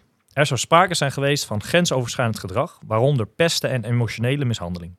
Meerdere atleten verlieten ongelukkig het programma, soms met zware mentale en of fysieke problemen, zoals eetproblematiek, depressieve gevoelens en overtraindheid. Er deed zich vorige week bij ons een kans voor om twee atleten die allebei een tijd in het NTC hebben gezeten, tegelijk bij een opname van ons aanwezig te kunnen hebben. Na goed overleg met z'n allen hebben we besloten ervoor te gaan en deze mannen de ruimte te bieden om terug te kijken naar hun tijd als talentvolle triatleet en op een gegeven moment de overstap naar het NTC. Ik wil nogmaals duidelijk maken dat we niet op oorlogspad zijn en puur geïnteresseerd zijn naar de verhalen van de mannen eh, van de overstap destijds en dat we niet het rapport puntje voor puntje gaan doornemen. Ik ben onwijs benieuwd naar de verhalen van deze twee mannen. Graag heet ik welkom twee vrienden van Milan en ik, Brian de Kraker en Olivier Scheffers. Mannen, welkom. Dankjewel. Ik vind het eh, Dankjewel. ja, moedig om maar gelijk dus, eh, daarmee te beginnen. Moedig dat jullie hier zijn. Op deze reunieavond. Want daar kunnen we toch wel een beetje over spreken. Ja, toch? Ja, het is ehm, wat mij betreft zeker een reunie. Ja. Dat ik jullie ehm, ja, pak een beetje misschien wel tien jaar niet gezien heb. Zou dat kunnen? Tien is misschien wat veel, maar eh, zoiets wel, ja. Echt, eh, echt zeker een jaar, ja, zoiets. Ik kan me Wij zijn nog een keer naar Ajax geweest, weet je nog? Ja, Dus dat moet wel heel lang Dus dat is lang. Ja. nee, maar eh, kijk, jij benaderde ons vorige week eh, wat betreft podcast 1, dat je het zo tof vond en leuk vond. En toen raakten we op WhatsApp een beetje aan de praat. Eh, want zo heel af en toe praten we nog wel. En, en ja, dit was helemaal niet de planning. Hè? Laat ik dat dan gelijk er eventjes... eh, want wij zijn eigenlijk... Dat Almere komt eraan. We hebben van de week Almere tapes. Hè? Almere specials nummer 1 opgenomen met Stef. We hadden eigenlijk eh, de volgende op de planning. We hebben toch een beetje lopen schuiven... om hier dan een soort van reguliere podcast van te maken. Eh, ja, met jullie erbij. Het, de kans deed zich voor dat jullie allebei vanavond aanwezig konden zijn. Ja, en nogmaals, ik ben heel blij ermee. En ja, we gaan kijken eh, ja, wat jullie te vertellen. Want ik denk dat het wel twee totaal verschillende verhalen zijn. Ja, ja, dat denk ik wel. Kijk, eh, we hebben allebei ehm, samen in het programma gezeten natuurlijk. En ehm, ja, we hebben wel op een andere manier misschien beleefd, maar wel heel veel samen gedaan. Dat wel altijd. Ja, want, want laten we eens beginnen bij het begin. Kijk, wij, wij vier kennen elkaar. We hebben, zaten re- ja, redelijk in dezelfde categorieën destijds. Hè? Echt de, de jeugd- en daarna junioren categorieën. Allerlei wedstrijden nationaal tegen elkaar gedaan. Ehm, Milan en ik hebben nooit deel uitgemaakt van het Sittard-verhaal. We hebben natuurlijk wel alle hoofdrolspelers, die kennen we natuurlijk wel. Eh, maar vooral ja, jullie als vrienden of, of mensen, atleten om ons heen, die zijn wel die kant op gegaan. Neem ons luisteraars eens mee in het, in het, het punt dat je zeg maar ehm, je woonplaats, vereniging, eh, ja, woonomgeving, leefomgeving verlaat ja, voor het Nationaal Trainingscentrum in Sittard. Vertel, neem ons eens mee. Bijvoorbeeld Olivier, vertel daar eens wat over. Wanneer is dat geweest en hoe is dat toen allemaal gegaan? Ja, ik denk dat het voor mij ehm, eigenlijk allemaal een beetje begon in eh, 2006. Ja. Toen ehm, ja, ben ik lid geworden van triathlonvereniging De Schieter in Soest. Mhm. Eh, samen met de rest van mijn eh, gezin. ehm, familie, sorry. Mhm. Eh, met de rest van mijn familie. Dus met mijn zus, met mijn ouders. Ja. En daar was ik eigenlijk de enige, nou, de enige jeugdatleet bij die triathlonvereniging. En er was ook verder geen programma voor jeugdatleten. Ehm, maar het bleek al wel dat ik de, ik vond de sport leuk. Ik had er, ik had er talent voor. Ja. Eh, en ik begon wedstrijden in de regio te doen. Ehm, en daar heb ik jullie op een gegeven moment ontmoet. Ehm, Mhm. Vooral tijdens 2007 weet ik nog het Almere Triathlon circuit. Ja, oh, wat een fantastisch eh, evenement was voor eh, jonge atleten. En daar heb ik toen ook Brian voor het eerst, voor het eerst ontmoet. Ehm, en toen is het eigenlijk ehm, ja, allemaal begonnen als nou, lekker trainen, lekker sporten. Eh, in de weekenden kwam ik vaak natuurlijk naar jullie toe in Ja, Almere. ja. Ehm, ja, gingen we gewoon fietsen, hardlopen, zwemmen. was elk weekend trainingskampje, hè? Elk weekend was een soort van trainingskamp. Ehm, maar en- vooral, het was, het was, daar zat nog niks achter. Dat was, Ja, joh, dat was al gewoon echt voor de lol en voor de fun. Was dat gewoon hartstikke leuk op die manier. En Ja, toch? ook nog de, de, de mooie trainingskampweekenden. hè. Ik weet niet of jullie die nog kunnen herinneren. Ja, In Soest, stay oké. Ja, maar dat was vanuit de bond zelf was dat toen nog. Van die, van die juniorenkampen. Ja, Ja, ja. die Edo op dit moment volgens mij, doet, die heeft dat een beetje overgenomen. volgens mij hè? wel, ja. Ja. Edo Sport. Ja, dat- dat waren leuke weekenden. Dat waren... Ja, dat was eh, echt leuk. Dat was echt leuk. Ja. En, en ik weet nog wel dat ehm, nou, voor mij veranderde het een beetje toen ik in eh, 2008 Nederlands kampioen werd bij de jeugd Ja. in Aalsmeer. Ehm, ja, ik weet nog heel goed dat dat ook het eerste moment was dat ik, dat ik post kreeg van de Nationale Triathlonbond. Mhm. Eh, met van nou, Olivier, ehm, wil je een keer naar een talentendag komen? ja. Ehm, en de NTB begon toen met eigenlijk het organiseren van talentendagen, waarop ze eigenlijk ehm, nou, eh, jonge sporters, jonge atleten, maar niet alleen binnen de triathlon, ook binnen de, eh, Ja, binnen met de zwemmen, ja, klopt. ehm, eh, uitnodigde Rafael eigenlijk- ook in de, in de sport gekomen Ik kan me herinneren dat, mijn- dat, dat onze ja, mijn vader, hè, onze vader, dat hij een keer mee is geweest met ons dan. Wij zijn ook naar zo'n dag geweest. En dat hij dan eh, vrijwilligde, hè, de, de, de tijden noteerde. En dat hij ooit Rachel Klamer inderdaad... eh, Ja. Dat was, Dat was haar... Zij kwam ook uit het lopen dan volgens mij, hè? Ja, ja, dat was ook dat NK toch, Olivier? eh, In 2008 volgens mij, dat ze ook... Ja, in, in Aalsmeer volgens mij. Ja, zij, Ja. was, zij was in ieder geval ook gescout. Ja. Ehm, ja, en, en daar werd, ehm, ja, dan moest je dan een, een 3000 meter op de baan lopen en een, eh, een 400 of een 800 meter zwemmen in het zwembad. Ehm, en nou, aan de hand van de tijden die je daar eigenlijk eh, op die dag eh, presteerde, nou, kon je verder uitgenodigd worden om, om bijvoorbeeld eens nou ja, te komen trainen met wat toen de selectie was. En, Ja. in, en in die tijd hadden ze eigenlijk ook het Nationaal Trainingscentrum in Sittard opgestart. En dat was eigenlijk mijn eerste nou, contact met, eh, met eigenlijk de, ja, met wat toen een soort van selectie of voorselectie was. En zo ben ik eigenlijk gedurende de jaren ehm, nou, wel eens op, eh, op talentendagen geweest. Ehm, of wel eens met, met weekenden meegetraind. Totdat ik in 2010 ehm, ja, officieel uitgenodigd werd voor wat toen de, de weekendselectie van de, het NTC was. Ja. En dat hield eigenlijk in dat ze eigenlijk een groep atleten uitnodigden om het weekend in Sittard te komen trainen. Ze hadden op dat moment hadden ze dus al zeg maar echt het interne programma waar atleten eh, nou, in Sittard woonden, door de week start trainden. Eh, maar ze hadden eigenlijk ook een groep jonge atleten. Mhm. Ehm, dat Die- was Waren die dan nog te jong om daar intern al erbij te komen, zeg maar? ja, ja, dat waren dan vaak. eh, ik was toen volgens mij heette dat Heren 16. Ja. Weet je wel, ja, de, zeg maar de eerste juniorencategorie. Ehm, die werd dan in het weekend uitgenodigd om naar Sittard te komen. om Dat is daar best een onderneming eh, om, eh, om op je 16 eh, helemaal richting Sittard te gaan elk, elk weekend. Ja, Je kan zeker. niet auto rijden dan nog. Ja, ja ik, ehm, ik woonde destijds in Soest. En ik weet nog wel dat het was, het was dik twee uur met de trein. Zo. En soms dan ook nou, al je bepakking mee, je fiets mee. Ehm, en het liefst wilden ze eigenlijk op vrijdagochtend al beginnen met trainen. Ehm, dus ik heb uiteindelijk ook op middelbare school toen kunnen regelen.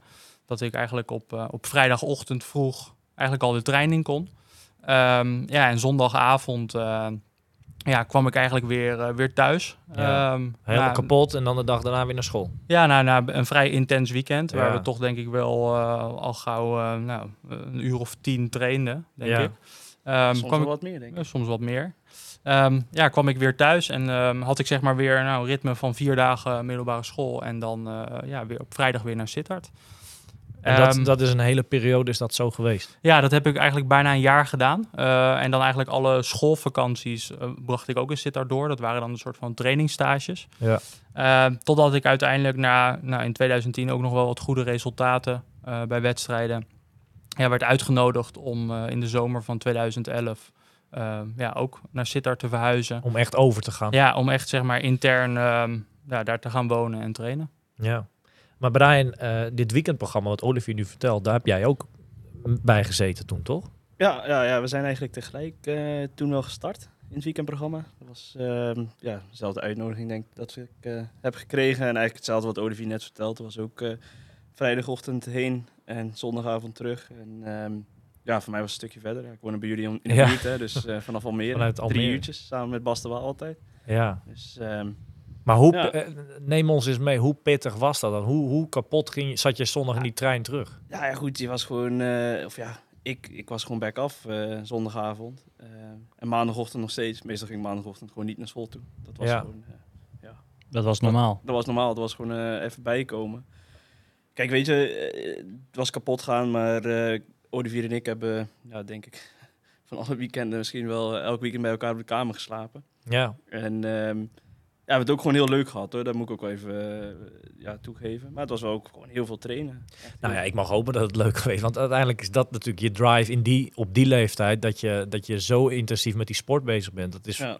hoop ik, op dat moment. Vooral omdat het leuk moet zijn natuurlijk. eh, Ja, nou, het, is, het, het is eigenlijk hartstikke gaaf als je als jonge atleet nou die uitnodiging Ja, krijgt. tuurlijk. Omdat je denkt van nou dit is de, de stap, stap naar de top. de stap naar de top. En dit is, ehm, ja, bij deze groep moet ik zitten Ja. eh, om er te komen. En voor mij persoonlijk, ehm, ja, bij mijn lokale triathlonvereniging was het enige jeugdlid. Ehm, voor mij was het ook een hele mooie kans om, Ja. om samen te trainen. Maar ik kan me wel herinneren dat dat cultuurtje, en ik denk dat, eh, kijk, ik ben geen junior meer, ik, dat, dat zouden we eens moeten, moeten checken, maar dat toen de tijd, dat cultuurtje eh, heerste wel, dat in Sittard gebeurde het allemaal. Dat was wel voor de meesten, eh, bij Milan en ik heb dat nooit extreem gezien, maar dat was wel een doel, omdat daar moest je zijn inderdaad voor de top. En ik denk dat dat stiekem nog steeds wel bij heel veel... eh, Milan, ik kijk jou al van, jij kijkt bij het RTC in Almere, train jij wel eens mee met zwemmen? Klopt, ik train bij het RTC in Almere mee. Mijn trainer Paul Verkleij die is, daar, is daar momenteel de trainer van al, al bijna twee jaar. Ehm,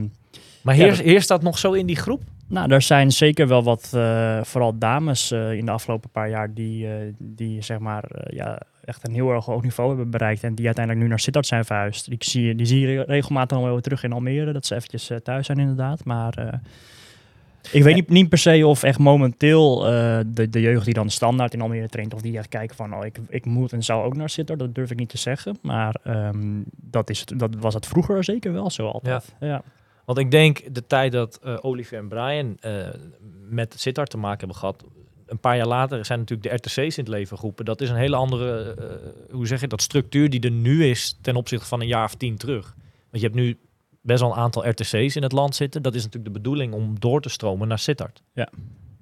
ja, zo werd het toen ook gebracht. Ik, ik kan me nog... eh, Toen we het in Almere ja, begonnen, daar hebben wij het in gezeten allemaal. Ja, ja, hebben we nog allemaal bij gezeten. Dat was in 2012, eh, was dat. Ja. Ehm, dus ja, goed, dat... eh, Maar dat was echt Ja. de bedoeling. RTC, dat is dan voorbij eh, in die regio. Maar dat was wel de bedoeling. En, en dat is bij jou dan ook. Dat je op een gegeven moment doorgaat naar Sittard.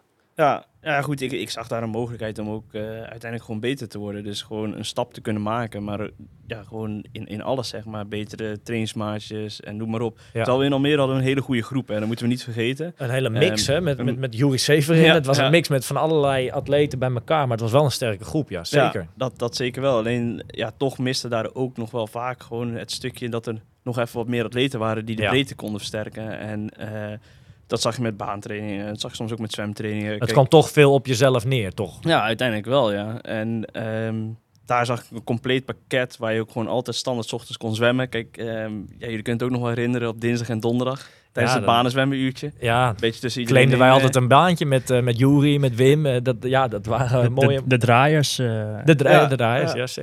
Maar even een sprong in de tijd. Hè. Eh, op een gegeven moment wordt dat weekendprogramma, dat verandert in, ik denk bij Olivier eerder dan bij Brian. Eh Olivier, neem ons eens mee, dat verandert in een, dat je echt verhuist daar naartoe. Ja, ja, ik moet ook heel eerlijk zeggen dat het was ook eh, ja, vrij onverwachts. Ja. Ehm, ik was helemaal niet bezig met eh, bijvoorbeeld uit huis gaan. Ik, was, eh, ik zat op dat moment, was mijn eindexamenjaar Atheneum aan het doen. Ehm, en ik kreeg ineens de kans om naar Sittard te verhuizen. Ehm, en vrij snel was het geregeld. Er was een, eh, een kamer voor mij in een atletenhuis. Mhm. Eh, en eigenlijk het enige wat ik hoefde te doen was mijn spullen te pakken en, eh, Die kant en, op. en die kant op te gaan. En ehm, ja, ik had eigenlijk niet voorzien, ik was toen nog 17, dat ik eigenlijk ehm, ja, als 17-jarige atleet ja, het huis uit zou gaan, het ouderlijk huis zou verlaten en eigenlijk ook naar het zuiden van het land zou verhuizen. Ja. En, en hoe, hoe waren die eerste weken dan daar? Alles is nieuw, alles is wennen. Eh, Ja, ehm, van wat ik me ervan kan herinneren, vond ik het super gaaf. Ehm, ik zat in een, in een, in een trainingsgroep. Ehm, er waren echt veel faciliteiten. Er bijvoorbeeld, we konden elke dag konden we zwemmen. Ja, je, je traint daar met een groep atleten. Het wordt heel serieus aangepakt. En, en je denkt ook echt van, oké, dit heb ik nodig om een betere atleet te worden. Zelf mer- bijvoorbeeld... Merkte je aan het begin dan ook echt de eerste eh, ja, weken, maanden, eh, dat je ook echt wel eh, ja, sprong aan maken was? Echt wel vooruitgang boekte? Zeker. Ik, ehm, ik was niet zo'n talentvolle zwemmer. Ehm, ik moest het meer van het hardlopen hebben en van het fietsen. En voor mij heb ik daar bijvoorbeeld in het begin ontzettende sprongen qua zwemmen kunnen maken. Omdat Ja. ik gewoon ehm, thuis moeite had om echt zwemuren te maken. Ik bij de ging, nu ging je heel veel kilometers maken. ja, ik kon bij de triathlonvereniging een uur zwemmen. En ik ben op een gegeven moment lid geworden van een zwemvereniging in Amersfoort. En daar kon ik nog twee uur zwemmen. Maar daar leerde ik vooral ehm, ja, hoe ik een schoolslag moest zwemmen. Ja. Dat je niet je armen en benen tegelijk gebruikt. Ehm, niet heel triathlon specifiek. En ik kwam nu ineens in een situatie waar ik ehm, eigenlijk zeven dagen in de week kon zwemmen. Mhm. Ehm, en eigenlijk ook, voordat ik het wist, ehm 25 tot 30 kilometer ja. per, per, per week zwom. Ja. En ha- had je dan één coach of had je meerdere coaches voor de, de, de verschillende sporten? Of hoe, moet ik dat zien? Ja, op dat moment hadden we eigenlijk ehm, één vaste trainer voor de trainingsgroep. Ehm, maar we hadden nog wel een specifieke zwemcoach, eh, zwemtrainer. Ja. Eh, die, die schreef de zwema, schema's voor het zwemmen. Die was ook bij het zwemmen aanwezig. Maar we hadden één een algemene coach die zeg maar, het basisschema maakte. Ehm, en eigenlijk voor de hele groep ook. Ja. En, en hoeveel uur moet ik dan denken? Eh, nou, dan moet je toch al wel gauw ehm, denken aan een 25 tot 30 uur. Ehm, het ging wel echt om, om sport. Sport stond op één. Ehm, ja, dus er werd eh, elke dag eh, twee à drie keer getraind. Op je zeventiende. Ja, ja ik, eh, tuurlijk, tuurlijk zijn er weken waarin je wat meer omvang draait. Zeker, zeker in de winter. En, ehm, en later wat meer wedstrijdspecifieke voorbereiding. Maar ik ben toen wel vrij snel inderdaad naar een eh, flinke trainingsomgang gegaan. En in het begin nou, ook veel rustige training. Ehm, maar ja, ik ben wel eh, ja, flink, eh, flink gaan trainen vanaf het moment dat ik daar zat. Ehm, neem ons eens mee. Jij zegt 2011 ben ik daar naartoe verhuisd. En eh, dan, dan ga je de winter in. Hoe, hoe is 2012, dat seizoen, hoe is dat verlopen voor jou als je daaraan terugkijkt? Ging dat, ging dat prima? Viel dat al tegen? V- vertel eens. Ja, dat, dat is voor mij. ehm, ja, ehm, ik heb eigenlijk, eigenlijk nooit echt een goed wedstrijdseizoen kunnen draaien, helaas. Vanaf het moment dat ik in het NTC ben gekomen. Ik heb een ontzettend goede winter daar, daar doorgemaakt ehm, in 2011. Mhm. Ehm, ik ging qua zwemprestatie vooruit. Hardloopkilometers. Ik was eigenlijk een hele goede, stevige basis aan het bouwen. En ik weet ook nog heel goed dat ik, ja, dat ik me echt aan het ontwikkelen was. Ik Mhm. merk dat ik nu echt met een soort van consistentie kon gaan trainen. Wat me thuis gewoon minder goed lukte. Met, met school, met trainingen die ik bij verschillende verenigingen aan elkaar moest knopen. Die focus was daar gewoon goed. Ik had daar een focus, ik had de faciliteit. Ik had een, eigenlijk echt een goed trainingsschema. Ja. Eh, dat had ik daarvoor ook niet. Dan was het gewoon eigenlijk de training die Ja, ja, ja. de zwemvereniging had. Of, nou, of, die atletiekvereniging had. Maar Ehm, dan stonden alle seinen op groen om, eh, om echt een eh, serieus goed seizoen neer te gaan zetten. Zeker. En ehm, een goede trainingsstage ehm, gehad. Eh, we zijn toen, weet ik nog wel, in, in de winter hebben we een tijd in school gezeten. Daar kwamen we regelmatig. En eigenlijk ehm, ja, was ik in eh, de beste vorm die ik tot, tot dan toe eh, geweest was. Maar ik voel hem maar aankomen. Ja, zeker. Ehm, ja, voor mij is het uiteindelijk fout gegaan eh, in het begin van 2012. Ja. Toen zijn we op een trainingstage naar Zuid-Afrika gegaan met een, met een kleine groep. Ehm, en daar heb ik ja, ontzettend hard getraind, wij, wij allemaal. Maar zijn er voor mij ook een aantal dingen nou ja, minder goed gegaan. Ik ben heel veel gewicht verloren. Ehm, destijds was ehm, gewicht verliezen best wel een thema binnen, het, eh, binnen de selectie. Dat kwam ook deels omdat er gewoon jongens ehm, en meiden gescout waren vanuit de zwemwereld.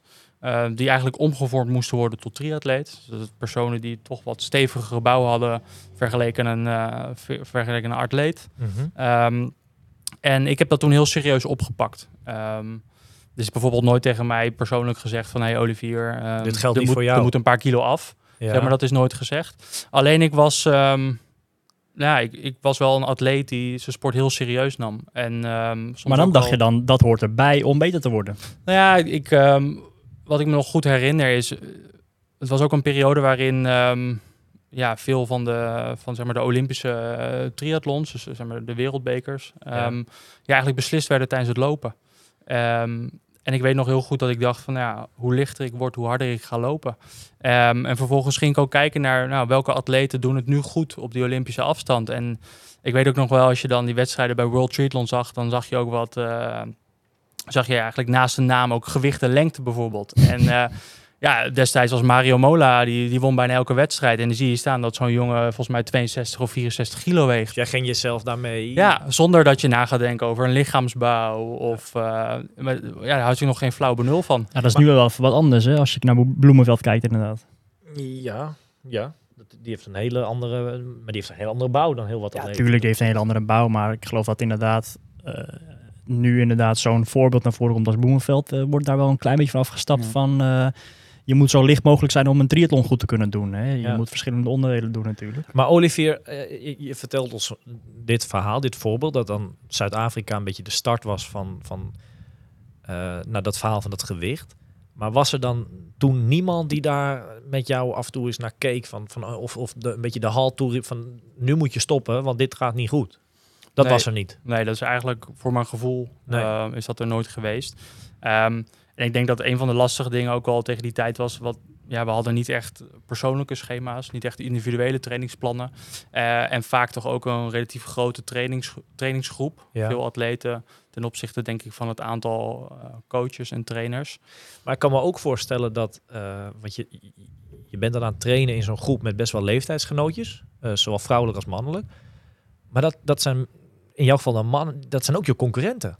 Dus hoe, hoe- ging dat dan? Was dat niet een heel concurrerend sfeertje ook naar elkaar eh, toe? Ja, eh, met, met vlagen. Kijk, uiteindelijk, ehm, je raakt toch ook bevriend met een aantal atleten, want het is, het is ook je sociale leven. Ja, het zijn je je, ja, je huispartners Ehm, toch soort van? Ja, huisgenoten, maar het zijn ook de jongens waar- waarmee je eigenlijk het grootste deel van de dag doorbrengt. Ja. Eh, en waarmee je ook toch wel een soort van, ja, je deelt een bepaalde passie. Eh, dus je hebt vaak ook wel nou, een klik op dat gebied. Eh, en het is natuurlijk ook wel leuk als je vier uur gaat fietsen, dat je er ergens over kan babbelen. Mhm. Ehm, maar tegelijkertijd inderdaad, als het ging om eh, ja, hoeveel atleten naar het EK mochten, dan waren het er vaak twee. Eh, ja, en dan, en dan keek je naast je en dat waren dan wel de jongens tegen wie je het op moest nemen. Ja. Eh, en ik kan me genoeg trainingen herinneren waarbij het dan toch net lekker was als je die andere eraf liep. ja. Ja. Of als die ander toch, eh, toch net wat vermoeid was en de training niet af kon maken. Ik zie naast jou iemand zitten met een heel vies lachje. Brian, wat, wat heb je daaraan toe te voegen? Want we komen zo bij jou natuurlijk. Maar wat herken jij Ja. dit verhaal? Nou goed, kijk, eh, veel mensen weten wel dat Olivier en ik altijd hele goede hardlopers waren. Mhm. En ik kan me nog wel wat, wat eh, ja, trainstages in Schorrel herinneren. Waarbij we gewoon, eh, ja, dan gewoon even lieten zien wie, eh, wie de baas was, zeg maar. En Koste dat, wat het eh, kost, moest iedereen wat het eraf kost, moest iedereen eraf, ja. Ja, En dan ook nog eens proberen elkaar eraf te lopen. ja. Dus, Dus ehm, ja, binnen die groep was dat af en toe, met vlagen geven jullie dan wel aan, maar dat, dat was er soms wel. Dat van een training, dat er een soort wedstrijd ontstond of zo. Ja, ja dat, eh, daar kan ik me wel meerdere voorbeelden van herinneren. En ja, wat ik net zeg, één één training in, de- in de duinen van Schorrel kan ik me nog goed herinneren. Waarbij we echt, eh, ja, waar het niet helemaal nodig was, maar ja, waar we toch gewoon lieten zien van ja, Ja. oké, eh, wij zijn ook gewoon heel goed, zeg maar. Ja, ja, ja, maar eh, een beetje haantjesgedrag, hè, toch? Ja, ook. Maar hoe intensiever het gaat, hoe groter de kans ook is op, op pijntjes, op blessures dan ook, toch? Daar zit ook een groot risico wel aan. Ja, ja zeker. Maar dat, dat kon. Het werd Ja, toegelaten, laat ik het zo zeggen. Het werd, het, werd, eh, het werd toegelaten. Soms werd je ook wel halt geroepen, daar moet ik ook wel eerlijk, eh, eerlijk Mhm. in zijn. Ehm, maar ja, soms was het ook wel mooi, mooi voor, de, voor de beelden die ook wel tijdens de trainingen werden gemaakt. Ja. Dus eh, ja, nou ja, goed. dat wisselde wel een beetje af. Ja. Olivier, wij kennen ehm, ja, toen wij bevriend raakten en, en zeg maar een beetje tot het moment dat jij naar Sittard bent gegaan, stond jij voor ons in ieder geval, ja, je was voor ons bekend als een hele vrolijke, spontane eh, gast die, die eh, Charmeur. charmeur, lekker achter de dames aan. Eh, gewoon echt, echt, echt een hele, hele vrolijke, vrolijke, leuke jongen. kwam inderdaad vaak bij ons over de vloer. Ehm, dat is ja, eh, tijdens jouw tijd of, of na, na of in jouw tijd van, bij Sittard is, eh, is daar wel het een en ander veranderd volgens mij. Ja, zeker. Ehm, ik denk dat eh, deels begon het al wel een beetje toen ik in die weekendselectie zat. Mhm. Ik merkte bijvoorbeeld dat ja, het is toch een, vrij belangrijke leeftijd eh, eh, in, je, in je ontwikkeling. Ehm, als in ik was zeg maar 16 jaar. Ehm, ja, ook het moment destijds mocht je nog alcohol drinken. Dus veel vrienden op school die, nou, die gingen naar feestjes, begonnen met alcohol te drinken. En ja, ik, ik ging eigenlijk niet mee, want ik, ik, ik moest trainen of ik had trainingen of ik was eigenlijk alle weekenden was ik, was ik weg. Ehm, dus op dat punt merkte ik al dat, dat mijn leeftijdsgenoten, mijn, mijn vrienden die, die niet in de sport zaten, dat die, die begrepen het niet zo goed. Nee. Van ja, waarom moet je nou elke dag trainen? Je kan ook een dag niet trainen, toch? Mhm. Je kan toch ook een dag een weekend niet. Je kan ook een keer een weekend niet naar, naar Sittard. Ehm, dus ik merkte dat ik daar al een beetje een aansluiting verloor. Want zeg maar, na, na drie keer vroegen ze me bijvoorbeeld niet meer, want hij gaat toch niet mee. Nee. En ik denk dat ik toen eigenlijk al een beetje wel met, met oogkleppen de sport in ben gedoken. Ehm, en ja, op een gegeven moment ehm, ergens niet meer ook die sociale ontspanning had. En dat had ik op dat moment niet nodig, dacht ik ook. Trainen Werd- ging werd goed. je daar heel extreem op een gegeven moment in dan? Nou, ik denk dat ik daar wel heel extreem in ben geworden. Omdat ik ook wel persoonlijk dacht van dit is nodig Om die top om, te halen? om die top te halen. En ehm, ja, op een gegeven moment toen ik naar Sittard verhuisde, eh, draaide ook alles om, om trainen. En dan was je ook blij met zeg maar, de uren die je niet hoefde te trainen, want dan ging je rusten. Mhm. Of in het begin heb ik ook nog wel wat eh, aan een studie gedaan. Ehm, maar ja, ik, ik had ook geen uren over om, om dingen te gaan doen. En eh, ja, elke ochtend om zeven uur op de zwembadrand. Ja, dan wil je ook om negen uur in je bed liggen. Ja. En ehm, ik denk wat, waar, wat er op een gegeven moment bij mij ehm, ja, wel eens gebeurt, dat ik zo eh, perfectionistisch ook met mijn sport ben omgegaan. Dat ik vanaf het moment dat het, dat het sport eigenlijk niet meer ging. En, ja, dat- dat, is dus eigenlijk begin van 2012 geworden. Daar komen we zo denk ik wel op. Maar ehm, ja, daar ben ik ook een beetje die onbevangenheid verloren. Ja. Ehm, en, en heb ik ook wel een, een lastige periode persoonlijk gehad. Ja, want nou ja, dat- dat- laten we daar gelijk dan mee verder gaan. Maar wat, wat is er dan? Jij zegt, ik ben in Zuid-Afrika. Toen is dat gekkigheid met het gewicht ge- begonnen. En toen, je kwam terug in Nederland. En toen, Ja. dan begint langzaam, hè, de lente begint, de wedstrijden gaan langzaam komen. Eh, Ben je van start gegaan in iets? Of, of, of op iets? Of helemaal niet? Ja, nou, ik kwam terug van, eh, ik weet nog wel, we waren, we waren dik drie weken in Zuid-Afrika in januari. Mhm. Eh, was ook nog op hoogte, in Potchefstroom, Mhm. zo'n 1600 meter hoogte. En eh wij zouden eigenlijk, als we terugkwamen datzelfde weekend, zouden we het NK een 10 kilometer in schoolrol lopen, eh, atletiekwedstrijd. En ik weet nog wel, het was nou, 30, 35 graden in, in eh, Zuid-Afrika en wij, wij vlogen op vrijdag terug. Op zaterdagochtend waren we geland. Toen was het min 15 En zondag was de in, in wedstrijd. Nederland. En dus- toen zijn we direct naar school gegaan van het vliegveld. En daar hebben we op die zondagochtend hebben we die, die 10 kilometer gelopen. En ehm, ja, ik kwam, ik kwam heel fit eigenlijk terug eh, uit Zuid-Afrika. Eh, want ik liep daar eigenlijk een steengoede eh 10 kilometer. Ik weet volgens mij tweede op het NK bij de junioren. Ehm, en ik had echt het idee van oké, dit, dit wedstrijdseizoen, We dit gaan wordt los. mijn doorbraak. Ja, Ehm, ik wilde graag naar het EK. Ehm, alleen ik merkte ook eigenlijk gelijk toen ik terug was dat het, het, het- bijvoorbeeld het zwemmen en het fietsen, dat het eigenlijk me minder goed afging. Ik was, eh, ik was flink licht geworden. Ik was toen destijds volgens mij een kilo of eh 65. Mhm. Ik ben 1,80 meter lang. En ehm, ik merkte eigenlijk dat het trainen eh, me steeds minder goed afging. Ehm, en als ik nu terugkijk, waren dat eigenlijk eerste signalen van eh, overtraining. Ehm, maar tegelijkertijd ja, bleef ik in die soort van eh, perfectionistische focus. Ik was heel erg bezig met mijn voeding, met mijn gewicht. En ik ben eigenlijk in die periode, ja, qua, qua training, ben ik eigenlijk iets over het randje gegaan.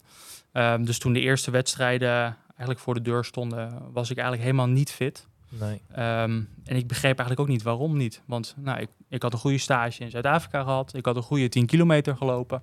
Eh, ik was er helemaal klaar voor. Maar daarna begon ik te kwakkelen. Ehm, en toen weet ik nog wel, toen zijn we in april, was eigenlijk standaard opening van het wedstrijdseizoen in Quartera in Portugal. Mhm. Daar ben ik toen nog wel heen gegaan, ehm, maar daar, daar eindigde ik eh, ver achter in het veld. Eh, heb ik nooit een rol van betekenis gespeeld.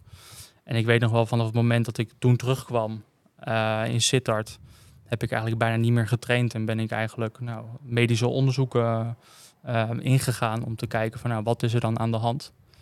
Daar kwam, eh, daar kwam niet direct iets uit, waardoor het voor de triathlonselectie ook moeilijk was om, om zeg maar te zeggen van nou Olivier, dit gaan we doen.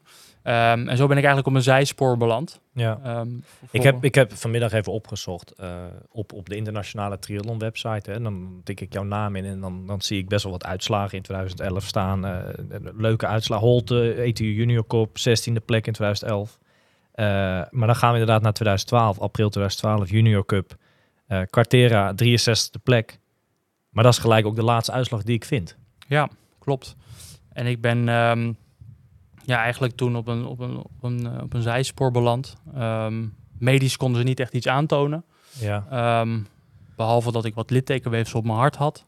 Nou, dat, dat hebben ze verder uitgezocht, maar er kwam niet echt wat uit. Ja, en toen kreeg ik eigenlijk vanaf dat moment te horen van... Ja, Olivier, we weten niet wat er met je aan de hand is. En misschien ja, moet je maar even een tijdje rust nemen. Op zich is dat helemaal niet zo'n slecht... Hoe, hoe je het verhaal nu vertelt, is dat zo'n slecht advies nog niet. Nee, dat was zeker geen slecht advies. Alleen wat, wat toen wel jammer was, dat ik voor mijn gevoel ook echt nou, buiten de selectie, buiten de groep ben beland. Ik bedoel, het wedstrijdseizoen was in volle gang. Eh, er zijn nog wel andere atleten die, die wedstrijden gingen doen, die gingen presteren. Er was een relatief kleine trainingsstaf. Dus Mhm. er was ook niemand die verder met mij wilde kijken. Van Het was een Olympisch jaar. Hè? De Olympische Spelen waren die zomer. Ja, dus, dus er waren ook hele grote belangen bij, Mhm. eh, bij de triathlonbond en bij de triathlonselectie. Ehm en vanaf dat moment ben ik eigenlijk ehm, ja, in, een, ehm, in een lastige periode voor mijzelf terechtgekomen. Ik, eh, ik was naar Sittard verhuisd Mhm. om te sporten. Ik kon niet sporten. Ehm, ik had niet echt een sociaal leven, want de jongens die ik nog sociaal gezien sprak, die waren wel aan het trainen of die waren aan het racen. Ehm, ja, en ik zat eigenlijk ver van huis, alleen eh, op een Die, die kaartenhuis die stortte een beetje in elkaar. Ja, en zeker ook wel omdat ik niet goed begreep wat er nou Aan de hand mis was gegaan Ja. en wat er nou aan de hand was. Ja. En, en ja, het, het, het grijpt mij best wel aan, want ik, ik wist niet dat het, zo, dat het verhaal zo zat. En, en wij, ja, wij kennen elkaar natuurlijk al heel lang. Ehm, en als ik dan die uitslag ook zoek, en, en dat is dan de uitslag die ik zie staan, en daarna gewoon helemaal niks. Want is het daarna gewoon dan helemaal. Dan, eh, laten we eens een sprong in de tijd maken. 2012 is dan voorbij, bijna geen wedstrijden gedaan. Je zit nog steeds in Sittard en dan, dan gaan we richting 2013. Misschien een soort revanche. Ja, Vertel, eh, ja nou, ik heb uiteindelijk ehm, nog een hele lange poos geprobeerd om weer terug op niveau te komen. ja. Ehm, alleen op dat moment ehm, ja, probeerde ik dat met, eh, terwijl ik een eetstoornis had. Dat- op dat moment wist ik dat nog niet. Mhm. Maar ik merkte dat ik zo geobsedeerd was ook over nou, voeding, mijn lichaam. Ehm, ik was door het, het niet sporten en, en de stress was ik een aantal kilo aangekomen. Nou, dat, dat voelde alsof ik gigantisch eh, overgewicht bij wijze van spreken had. Ik was niet meer die fitte atleet die ik moest zijn. ja. Dus eigenlijk probeerde ik weer nou, terug naar niveau te komen, terwijl ik eigenlijk ook niet goed voor mezelf zorgde. Ik mocht eigenlijk pas eerst trainen, dan eten. Ik moest ook weer afvallen van mezelf. Maar waren daar niet alarmbellen vanuit enige hoek, bijvoorbeeld vanuit je ouders, dat je dacht, en nu terug naar Soest? Nee, nee, eigenlijk, eigenlijk niet. Want hield, Ehm, hield jij iets voor dan richting je ouders dat het allemaal wel goed ging bijvoorbeeld? Of hoe, hoe, hoe ging dat? Ja, vind ik lastig. Ik denk het wel. Ik bedoel, Ja. ik, in eerste instantie schaamde ik me. Ik bedoel, vanaf het moment dat ik een soort van wist van... hé, hey, ik heb een probleem met, met eten, eh, met mijn lichaam... eh, schaamde ik me daar enorm voor. Ja. Ehm, en daarnaast was ik ook wel... ehm, ja, ik, ik, ik zat niet lekker in mijn vel. Dus ik, ik, ik trok mezelf ook terug. Mhm. Ehm, ik zat daar in Sittard. Ik had... ehm, je vroeg zelf ook niet om hulp. Nee, nee, ik vroeg eigenlijk ook niet om hulp. Eh, tegen beter weten in probeerde ik wel gewoon te trainen zoveel mogelijk. Ehm, ja, omdat ik, ik wilde wel echt naar de top. Ik was Ja. vastberaden om... Tuurlijk, daarvoor ben je die kant ook opgegaan toen de tijd, op jonge leeftijd. En Ja. eh, er is niks vervelenders. eh, ik denk dat we dat allemaal hier aan tafel wel eens hebben meegemaakt, dat je iets of dat je daarvoor gaat en dat het hem gewoon niet lukt. Dat is zo frustrerend. eh, ja. Ja, ik wil er nog heel veel op inhaken. Kijk, eh, ik heb natuurlijk met, met Olivier ook in het weekendprogramma gezeten. En ehm, ja, goed, wat ik al aangaf, eh, heel wat weekenden ehm, hebben we bij elkaar op de kamer doorgebracht. Ja. En dat was wat ik ook al aangaf, heel veel lachen, gieren, brullen. Ehm, maar ja, goed, ik, ik ben een paar jaar later pas natuurlijk die kant op gegaan. En, Wanneer ben jij die kant heel- zelf opgegaan, dat je echt ging wonen daar? In 2013.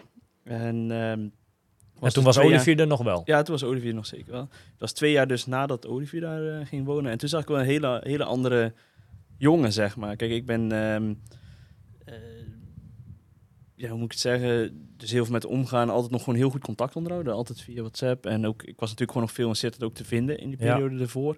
En ook, eh, wat ik zei, door de week was ik daar vaak. En ja, daar heb ik toen ook wel een hele andere Olivier gezien. En op een gegeven moment, ehm, ja, daar, daar was ik ook wel flink van geschrokken. Zag ik niet meer de Olivier die er was, zeg maar. Het vuur was weg. Het het was niet meer die jongen weg, van ja. een paar jaar Ja. daarvoor. Ja. Ja. Hoe die graag die wedstrijden inging, het racen, het, eh, Ja. ja, het willen, willen winnen of de trainingen die we altijd deden, dat was, dat was er ook niet meer toen op dat moment. En dat is eigenlijk, dat, dat, dat is nooit meer teruggekomen. Is dat dan de conclusie die we, die we kunnen trekken? Ja, eigenlijk wel. Ehm, er kwam een moment dat ik, dat ik wel ehm, ja, echt, echt besefte van nou, op- ik heb, ik heb gewoon een probleem met, met, met eten, met trainen. Ehm, ik, ik wist gewoon, hier klopt iets niet. Ja. Ehm, dus op een gegeven moment heb ik dat wel, eh, wel, wel aangekaart. Ik ben op een gegeven moment ben ik ook officieel uit de selectie eh, geplaatst.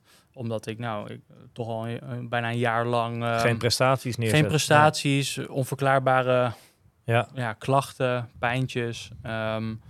en ja, de, de trein gaat door. En, Ja. ehm, De Tour wacht op niemand, zeggen ze altijd. Dat, is, dat geldt daar ook natuurlijk. ja, Er zijn en, weer eh, andere mensen, andere talenten die... eh, Ja, weet je, uiteindelijk eh, de- destijds was gewoon de, de NTB gewoon echt actief bezig met, met, met triathlon talenten scouten Ja. en een, een kans geven.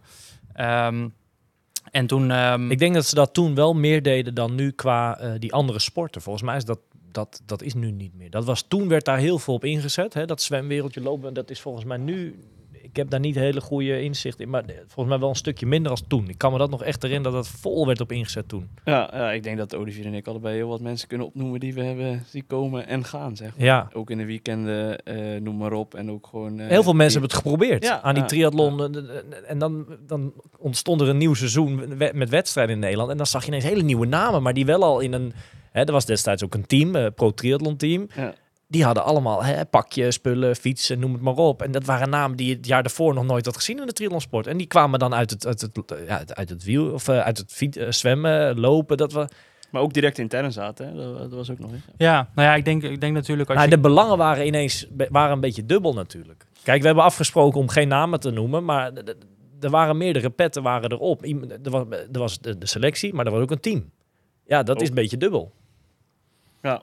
Ja, nou, ik denk natuurlijk als je naar, naar andere triathlonlanden kijkt, dat, waar er gewoon een enorme breedte aan, aan jeugdatleten is, dat je ziet dat dat ook wel die niveau omhoog stuwt. Ja. Ehm, ik weet nog heel goed dat wij op een gegeven moment Europese bekerwedstrijden deden, waar er gewoon eh 15 of 20 Belgen meededen, die Ja. gewoon allemaal Goed. goed scoorden. Eh, hetzelfde geldt voor Duitse atleten. En ik denk dat ehm, Nederland, ehm, ja, die wilde natuurlijk ook het, eh, Het ja, proberen, dat, het, datzelfde het niveau, nadoen. denk ja. ik, eh, omhoog krijgen. En ehm, ik moet ook heel eerlijk zeggen hoor, dat, dat volgens mij was eh Nederlands best wel een pionier op het gebied van het centraliseren van zo'n topsportprogramma. Mhm. Ehm, en, en vond ik dat eigenlijk ergens ook best wel ja, een, een dappere manier om te kijken van kunnen we die sport naar een, naar een hoger plan tillen. Dus ja, wij zagen veel atleten inderdaad komen en gaan. Ehm, maar goed, ik, ik, ehm, ik was op dat moment functioneerde ik ook gewoon niet goed. Nee. Dus ik snap ook heel goed dat er op dat moment voor mij geen plek was binnen de selectie. Wanneer er voor jou eh, dat, dat einde in Sittard dan plaatsvonden? Wanneer heeft dat gesprek plaatsvonden dat ze zeiden van... nou Olivier, tot hier en niet verder, er is geen plek meer voor jou. Wa- wanneer was dat dan ongeveer? Nou Ja, dat was volgens mij het- ongeveer het eind van ehm, de zomer van 2013. Ja. Eind 2013. En toen ben ik daar nog een tijd blijven hangen. Ehm, Buiten de selectie om? ja, dus ik had daar nog wel mijn, mijn woonplaats. Eh, ik trainde ook nog af en toe wel wat met, eh, met wat atleten van de, van de Ja. selectie. Wel met de gedachte om, om echt wel die comeback te maken in die sport nog steeds. Ja, nou, ik had nog wel die, die Olympische droom. Ja. En ehm, ja, ik wist ook gewoon dat ik het, eh, dat ik het talent ervoor had. Ja. Ehm, en ik had ook zeg maar de, de werkethos. Ik wilde er ook echt voor gaan. En ja, ik was ook gewoon heel dankbaar voor. ehm, kijk, eh, misschien ehm, zijn er ouders die dit luisteren die, ehm, die zelf een kind hebben die, nou, die ook graag triathlon wil doen. Er komt veel bij kijken Ja. materiaal, naar wedstrijden, naar trainingen. Mijn ouders hebben dat altijd gefaciliteerd. Kijk, en, triathlon eh, wordt wel eens een, een soort elitesport genoemd. Want er komt inderdaad wetsuitje, fiets. eh, ja, je ouders moeten wel meegaan in het verhaal. Anders is het een heel lastig verhaal. En, en Brian jij zit erbij. Dat, dat was bij jou wel een tikje anders, denk ik, die tijd toch ook? Ja, nee, zeker. zeker ja. ik, had, ik had dat niet allemaal. Nee. Ik heb dat allemaal ehm, Echt zelf, zelf, moeten... zelf moeten regelen. En zelf ook veel voor moeten werken. Ja. Ja. Maar Olivier, ehm, jij geeft aan dat je dan plus minus een jaar of twee in dat Sittard hebt gezeten. Het heeft jou dan helaas, dat is dan de voorzichtige conclusie, niet gebracht wat je vooraf hoopte toen je daarheen ging. Eh, Brian, is, is dat bij jou hetzelfde? Of, of- vertel eens hoe dat bij jou gegaan is. Ja, goed. Ik, eh, wat ik al net al aangaf, ik, ehm, ik heb in, ben in 2010 eh, ben ik ook in het weekendprogramma gegaan. Nou goed, daarna zijn we, eh, is Olivier in 2011 intern gegaan. Toen, ben, toen is volgens mij het RTC opgericht. In Almere? Eind, in, eind 2011 volgens mij. Mhm, mhm. Toen ehm hadden ze nou goed, het is beter als nu gewoon in 2012 eh, ja, in Sittard trainen. Omdat toen ook de toenmalige ja, jeugdcoach, of ja, hoe je het Mhm. wil noemen, Peter Scheers was toen ook uiteindelijk de, degene die het zeg maar in Almere ging leiden. En goed, toen hebben, ehm, daar, eh, ben ik daar gewoon verder gegaan en ben ik nog af en toe wel eens naar Sittard gegaan in de vakanties. En uiteindelijk, eh, nou, ook nog een keertje een tijdje uit de selectie zijn geweest, eh, ben ik weer terug erin gekomen. En toen Ja. ben ik in 2013, in augustus 2013, ben ik toen naar, ja, naar Sittard verhuisd. Ja. En goed... eh, Dus echt dat jullie eh, allebei daar echt gewoond hebben, dat hebben jullie bijna naast elkaar gedaan. Want dat, dat, dat, zo lang hebben jullie elkaar daar niet meer gezien. Dat, je er- dat jullie er echt allebei woonden. Jawel, wel dat we er allebei woonden. Want Olivier woonde dan ook, eh, toen nog steeds gewoon in hetzelfde gebouw. Oké. Maar hij maakte niet meer deel uit van het Nee, hij programma. maakte toen niet meer deel uit van het programma. Oké. Nee, nee, klopt. En wij- goed, wat ik al aangaf, Olivier was natuurlijk gewoon een goede vriend van mij. En we hebben toen wel altijd die door de weekse dagen gewoon altijd samen gekookt, gegeten, Oké. noem maar op. Dus Ja. zo waren we nog wel altijd met elkaar. Ehm, ja goed, en voor mij, ik ben toen nog eind die maand in augustus naar het WK in Londen gegaan. Mhm. Ja, goed, er was niks meer. Ik was natuurlijk net verhuisd, eh, nieuwe omgeving, een paar weken getraind, heel anders. En ehm, Die wedstrijd bedoel je, die was ja, niet die goed. wedstrijd was niet, nee, die was niet goed. Nee. Nee. Goed, toen heb ik een paar weken rust genomen. En uiteindelijk eh ja, keihard gaan trainen in de winter. Ik had Mhm. ook iets, eh, iets wat ik moest gaan verbeteren. Dat was voornamelijk ja, het zwemmen. Ja. Eh, ik had er totaal geen talent voor. Ik kan me nog herinneren, in 2007 deden we 500 meter. Jullie zwommen, Omar en Milan. eh, Rondjes ja, om zeven, je heen. zeven misschien. of acht minuten op een 500 en ik zwom 10, eh 10 nog wat. Dus Ja. ja, ja goed, eh, dat, dat verschil was natuurlijk enorm. Ja. Nou, die winter eh, in 2013 flink aan de slag gegaan. Ja, en eigenlijk, eh, ik was best wel gewoon een werkpaard. Dus ik kon gewoon heel veel, ja, heel veel verdragen, heel veel trainingen doen. eh, enorm veel gezwommen. Eh 35, ja, weken van 35 kilometer gezwommen. ja. Eh, week in, week uit. Neem ons eens mee. Noem eens een paar namen op met wie dat, eh, met, met wie dat was dan, qua atleten. Qua atleten. Ja. Ja, dat deed ik toen voornamelijk ook met Menno. Wel Ja. de, de grote blokken, maar ook heel veel alleen. Echt wel de grote... Ja, Oké, het is niet zo dat je in een baan lag met acht namen, dat je met dat je kop ochtend- over kop of zo. in, in de ochtend wel. Ja. Dat was wel vaak ehm, eh, dat, dat we met een grote groep natuurlijk waren, want dat was gewoon een centrale training. Maar ik deed heel vaak ook nog twee keer op een dag zwemmen. Jij ging dan zelf ook en nog dan of moest zo. ik s'avonds nog een keertje zwemmen en dat, eh, dat was Vol dan- met de gedachte, ik wilde in 2014, wil ik die aansluiting Ja, bij de... ja. Was, dat, was dat vanuit je eigen initiatief? Nou ja, goed, eh, we moesten ergens een stap gaan maken. En eh, daarin hadden we samen afgesproken, ja goed, eh, ehm, willen we de aansluiting maken, zodat ik gewoon erbij kan zitten met fietsen. ehm, dan moeten we iets gaan doen aan het zwemmen. En toen hadden we een plan uitgestippeld hoe we dat konden doen. En dat was op dat moment dus minder focus op de hardlopen, veel meer op het zwemmen. En ehm, ja, wel gewoon veel duurtraining met fietsen nog doen. En is dat de goede keus geweest toen? Nou ja, voor het zwemmen wel. Want ik was in 2014 zat ik er ja, gewoon wel, wel prima bij, zeg maar. Was je Eh. toen nog junior of was je toen al onder 23? Mm, Toen was ik nog junior. Oké. Ik zit even na te denken. dat denk ik ook. Is dat het ja, jaar waar het laatste eh, jaar denk ik junior. NK ja. in Weert, waar het zo warm was? Nee, dat was, Was dat daarvoor? was Veenendaal, was in 2012 toch? Oh, bij- de elite, er tussendoor. Ja, dat Daar was, ging ja, je heel goed, hè? Dat was ook eh, een goede wedstrijd, ja. Ja, Maar ja, goed. Nee, trouwens, ik was toen net eh, onder 23, ja. Oké. ja. Dat was het eerste jaar onder 23 in 2014. Maar goed, ja, ik zat, ik zat er goed bij met zwemmen. Ik had denk ik wel redelijk het gat gedicht. Ik stond natuurlijk niet vooraan, maar ik kon wel aanhaken in de benen. In een kopgroep? Ja, Mhm. en ehm, ja, dat was hetgene wat ik nodig had. ja. eigenlijk zorgen dat ik dat kon, kon doen. En eh, dat ging eigenlijk in het begin van het jaar gewoon heel erg goed. Eh, alleen wat ik merkte was dat het lopen wel iets minder was geworden natuurlijk. Ja. Wat ook niet gek is. Hey, waar Olivier vertelt, eh, ja, dat zeg ik even voorzichtig, maar dat Sittard niet gebracht heeft wat, wat, wat hij had gehoopt vooraf. Ehm, heeft dat misschien bij jou... Dat is een heel ander verhaal. Neem ons eens mee, want jij woont ook op dit moment nog steeds in Sittard. Ja, ja. Wat, is, wat is daar gebeurd bij jou? Want dat is wel een ander verhaal als bij Olivier. Ja, er is natuurlijk wat veranderd. Kijk, eh, waar we het net al even kort over hadden. Ik had niet de financiële middelen vanuit huis uit om ervoor te zorgen dat ik gewoon kon sporten. En, maar dat hadden jullie daar allemaal niet, toch? Het was niet dat, dat jullie een soort potje kregen van, nou, hier, leefgeld of zo. Dat nee, had- nee, nee, dat klopt. Dat klopt. Kijk, goed, ik zat toen, eh, ik had ook gewoon nog een studie. Ik was gewoon Ja. aan, eh, ja, aan het studeren. Ehm, wel natuurlijk helemaal aangepast. Mhm. Maar ja, ik was nog wel bezig met mijn, met mijn studie om ervoor te zorgen dat ik daarmee ook gewoon. Maar ja, er moesten wel dingen toen al, er moesten dingen betaald worden, toch? Ja, ja. ja, gewoon zoals de huur, noem maar op. Dat Ja. is natuurlijk niet gratis. Dus, eh, ja, goed, ik had gewoon de studiefinanciering waarmee ik wel gewoon redelijk rond kon komen. Ja. Ehm, nou goed, ik zat toen ook in een geweldig team, Team Talent. Mhm. Eh, dat jaar nog, dat is eind van het jaar van 2014 wel gestopt. Ehm, Die stopte met de korte afstand korte afstand, atleten. ja, ja, Ja. korte afstand atleten, ja. Maar jij, jij bent op een gegeven moment, eh, ben je ernaast gaan werken ook daar in Sittard? Ja, ja, ik, eh, ja, ik had een fantastische bijbaan bij McDonald's. Ja, daar Eh, moest men altijd om lachen toen ja, de als tijd. Als maar- topsporter. Als topsporter, ja. Ja, kijk, ik heb natuurlijk... ehm, ben op een gegeven moment ook geblesseerd geraakt. En toen ben ik ook gewoon begonnen met, eh, met wat meer te werken, zeg maar. Mhm. Om ervoor te zorgen dat ik natuurlijk ook gewoon het financiële gedeelte gewoon eh, Ja. ja, rond kreeg. En dat... ehm, Dat ging hard daar, hè? In de zin van dat je veel, al op, op, op zeer korte termijn maakte je flink stappen daar op het werk, toch? Ja, dat, dat ook wel inderdaad. En eh, eigenlijk de stap in de sport ging op dat mo- moment wat minder, omdat ik een jaar bijna geen wedstrijd had kunnen doen. Ja. Toen geblesseerd was. En ehm, Dan heb je het over 2015 of 2014? 2014 naar 2015 toe, zeg maar. Ja, Heb ik bijna een jaar geen wedstrijden kunnen doen. oké. Omdat ik geblesseerd was. En ja, daarin is dus gewoon heel veel gebeurd. Ik ben dus meer gaan werken. Ehm nou ja, goed, ook, ook het stukje wat Olivier aangeeft, ja, dat je op een gegeven moment een beetje buiten de groep valt. Want je kan geen groepstraining meer meedoen. Het revalideren duurde gewoon lang. Ehm, nou ja, goed, uiteindelijk doe je dan je eerste wedstrijd. Ik weet nog wel dat het, volgens mij was het de Eredivisiewedstrijd of NK in Weert, 2015.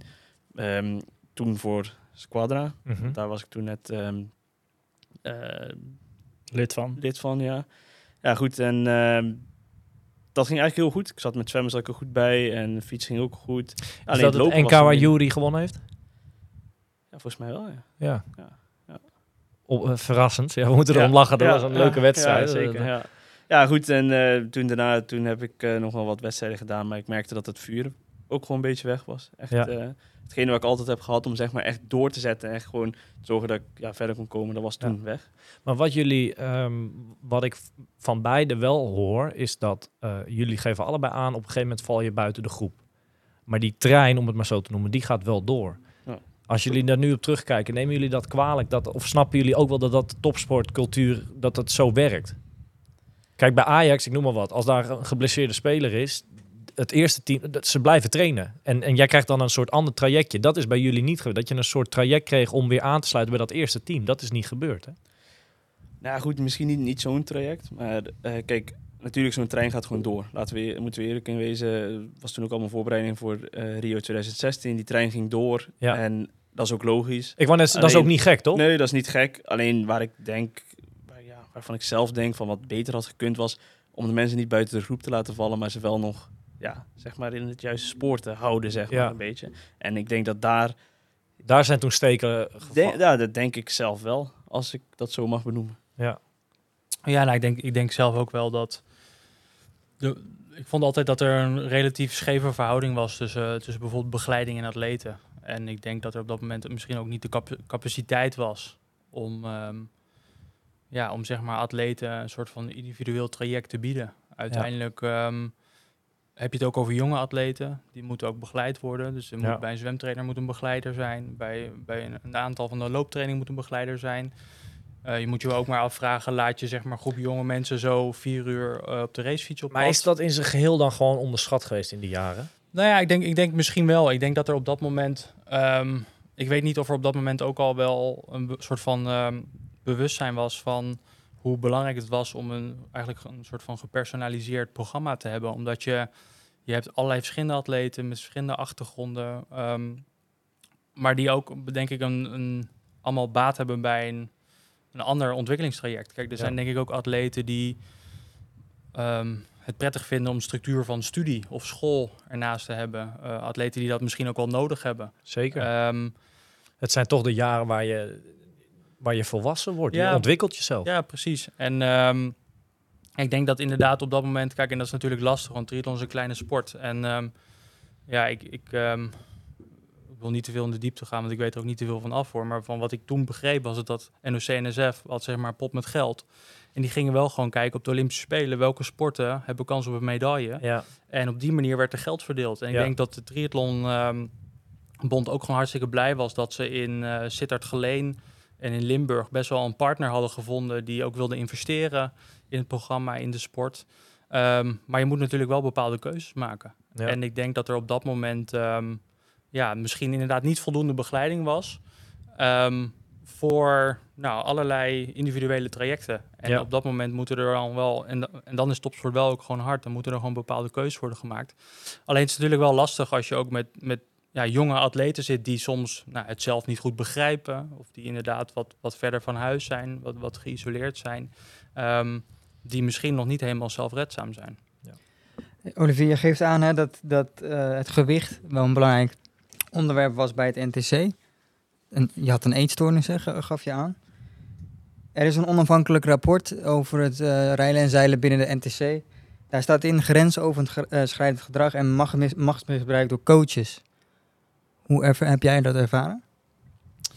Ehm, ja, dat dat vind ik lastig. Kijk, ik heb, ehm, ik heb persoonlijk niet, ehm, niet echt te maken gehad met grensoverschrijdend gedrag. Eh, of zo heb ik het althans niet ervaren. Nou ja, wat ik me wel nog wel herinner was, eh, er waren eh, een aantal nou, criteria waar je aan moest voldoen. En er waren wel een aantal zeg maar, objectieve criteria. En dat waren toch altijd best wel nou, die waren wel ambitieus. En ik, ik weet ook nog wel, dat, dat was ook gewoon een soort van, nou, daar willen we heen met het programma. Kijk, wij willen atleten die top 10 gaan scoren in de internationale wedstrijden. Alleen op dat moment zaten we ook met een groep atleten die we aan het ontwikkelen waren. En was eigenlijk niemand die daaraan voldeed. En kreeg je dus ook wel een hele reeks subjectieve criteria waarop toch mensen werden gekozen of werden geselecteerd. Om erbij te mogen blijven. Ja, om erbij te mogen Ja. blijven. Ehm, toch ook wel opstelling voor bepaalde wedstrijden. Ja. Ehm, en ik denk dat, dat dat soms ook wel wat, nou ja, als ik naar mezelf kijk, voor mij soms onduidelijk was. En waarom ik soms bij de training ook wel even wilde laten zien van, eh, ja. ja. hou mij in de gaten. Ehm, ja, en, en verder, ehm, ja, verder heb ik van machtsmisbruik, heb, ik- heb ik het zelf niet, niet ervaren.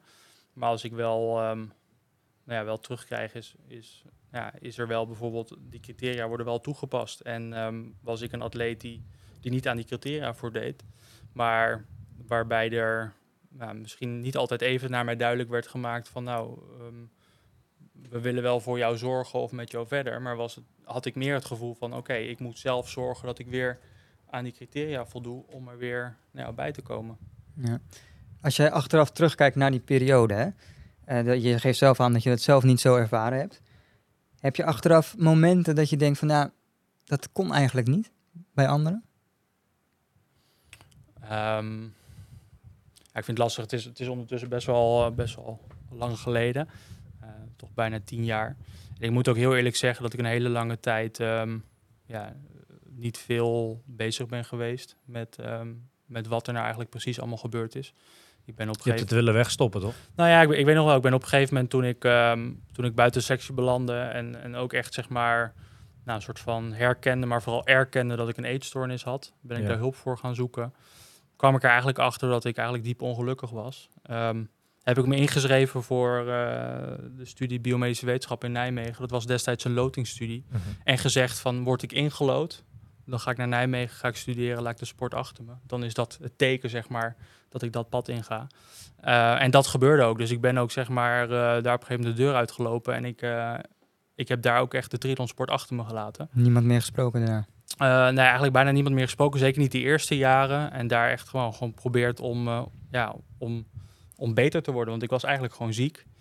Ehm, maar als ik terugkijk naar die periode, denk ik wel inderdaad dat, er, dat, dat meerdere atleten een ervaring hebben gehad waarbij ze nou ja, of buiten de groep belanden, dan wel door een blessure, dan wel door een andere reden. En, Ehm, en het programma dus moeten verlaten. ja, maar waar, er, waar, waar wel een periode misschien niet voldoende naar is om is gekeken. Ja. En ehm, op een cruciale leeftijd. Ja. En ehm, ja, het, maakte mij wel verdrietig om te lezen dat er echt veel atleten waren die nou, langdurige klachten ehm, hebben, hebben ervaren. Of misschien soms nog, wel last hebben. En dat er dus eigenlijk veel atleten tegelijkertijd zijn geweest. Ja. Die soms hetzelfde doormaken zonder dat ze het van elkaar wisten. Want als ik erover nadenk, ja, ik heb daar eigenlijk niemand in vertrouwen durven te nemen van hey, dit Om is verhaal echt aan de hand. Nee. Nee, deels omdat ik me dus ook schaamde. Ehm, of omdat ik het niet goed begreep. Ehm, maar daarnaast ook wel, ja, omdat het, het ligt toch gevoelig. Je bent, met, je bent met jongens, dat zijn ook je concurrenten. Ja, ja, ja. Het zijn ook niet de jongens die je per se altijd evenveel steun kunnen bieden, want voor hun gaat het door. Ehm, ja, het is wel, eh, het is wel lastig. En ik denk dat ik wel, ehm, ik vind het wel heel spijtig dat ik heb, ik heb met veel atleten mogen trainen in die periode. Ik heb veel eh, mensen leren kennen. En als ik nu kijk naar wie er nog actief is in de sport, Dat zijn er heel weinig. nou, dat zijn er bijna geen. Nee. En, ehm, en dat vind ik ergens, eh, ja, dat is ergens natuurlijk hartstikke jammer. Ik denk Om- dat en dat, kan om eh, verschillende redenen zijn die ook los zijn van, de, van, van het NTC hoor. Ja. Maar ehm, ja, ik, ik denk dat, dat, dat veel, ehm, veel atleten misschien wel toch, toch een beetje plezier zijn verloren in de sport. Ja. Brian, hoe is dat, eh, dat, dat, dat... Je hebt er net al wat over verteld, maar hoe is dat einde van het NTC voor jou eh, in stand gekomen? Goed, ehm, wat ik net zei, ik was natuurlijk geblesseerd geraakt. Eh, daarnaast ehm, was mijn vrouw zwanger geworden. Eh, dat was ongepland. En goed, die zal ook later dat jaar, eh ja, zo is het Jullie natuurlijk kregen een, ja, Dan kreeg ik een kind. Ehm, ja, goed, daar werd natuurlijk niet heel happy op gereageerd. Ja jij, jij werd vader en je zat toen nog in het NTC. ja, ja, ja. Ja, nee, toen zat ik er niet meer in eigenlijk. Toen was Oké, al maar laat ik het anders zeggen. Ja. Zij raakte zwanger en toen zat jij nog in Ja, het toen NTC. zat ik nog in het NC. Nou goed, ik heb dat eigenlijk vrij snel kenbaar gemaakt. Ja, Coaches op dat moment. Ehm, ja, wat er aan de hand was. Want ja, goed. Het speelt natuurlijk wel mee in, in alles. Hè? Ik bedoel, Tuurlijk. training, eh, de hele situatie gaat veranderen. En, ehm, we hebben nou, vorige week met Sarissa de Vries gebeld. Dat, dat, die, die loopt daar nu ook tegenaan dat ze Ja. die kinderwens heeft. Eh, En ook wel inziet dat de triathlonsport, nou ja, in haar geval dan zeker twee jaar on hold gaat staan. Eh, zit die comeback er nog in of wat dan ook, weet je wel? Dat, dat, dat, het moet nogal impact gehad hebben bij jou.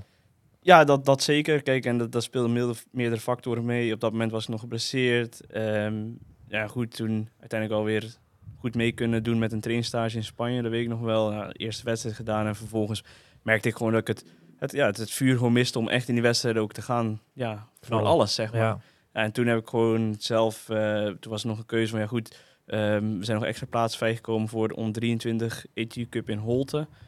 Ehm, nou goed, toen heb ik gezegd, eh, diezelfde week, ik, ik zag het niet zitten op dat moment. En heb ik gezegd, nou, ik, ik stop ermee. Ik ga ook uit de selectie op dat moment. Ja. En ehm, ja, goed, is mijn leven gewoon daarin helemaal veranderd eigenlijk. Ik bedoel, een paar maanden later eh, kreeg ik een kind. Ik ben gewoon verder gaan met werken. Ik zat ook nog op school, dus ik heb de laatste jaar van school nog af moeten maken. Er waren gewoon heel veel dingen waar Jouw- ik mee bezig moest houden. Jouw maar. leven veranderde compleet. Ja, mijn leven veranderde compleet. En, eh, en eigenlijk ben ik toen ook gewoon... eh, daarna...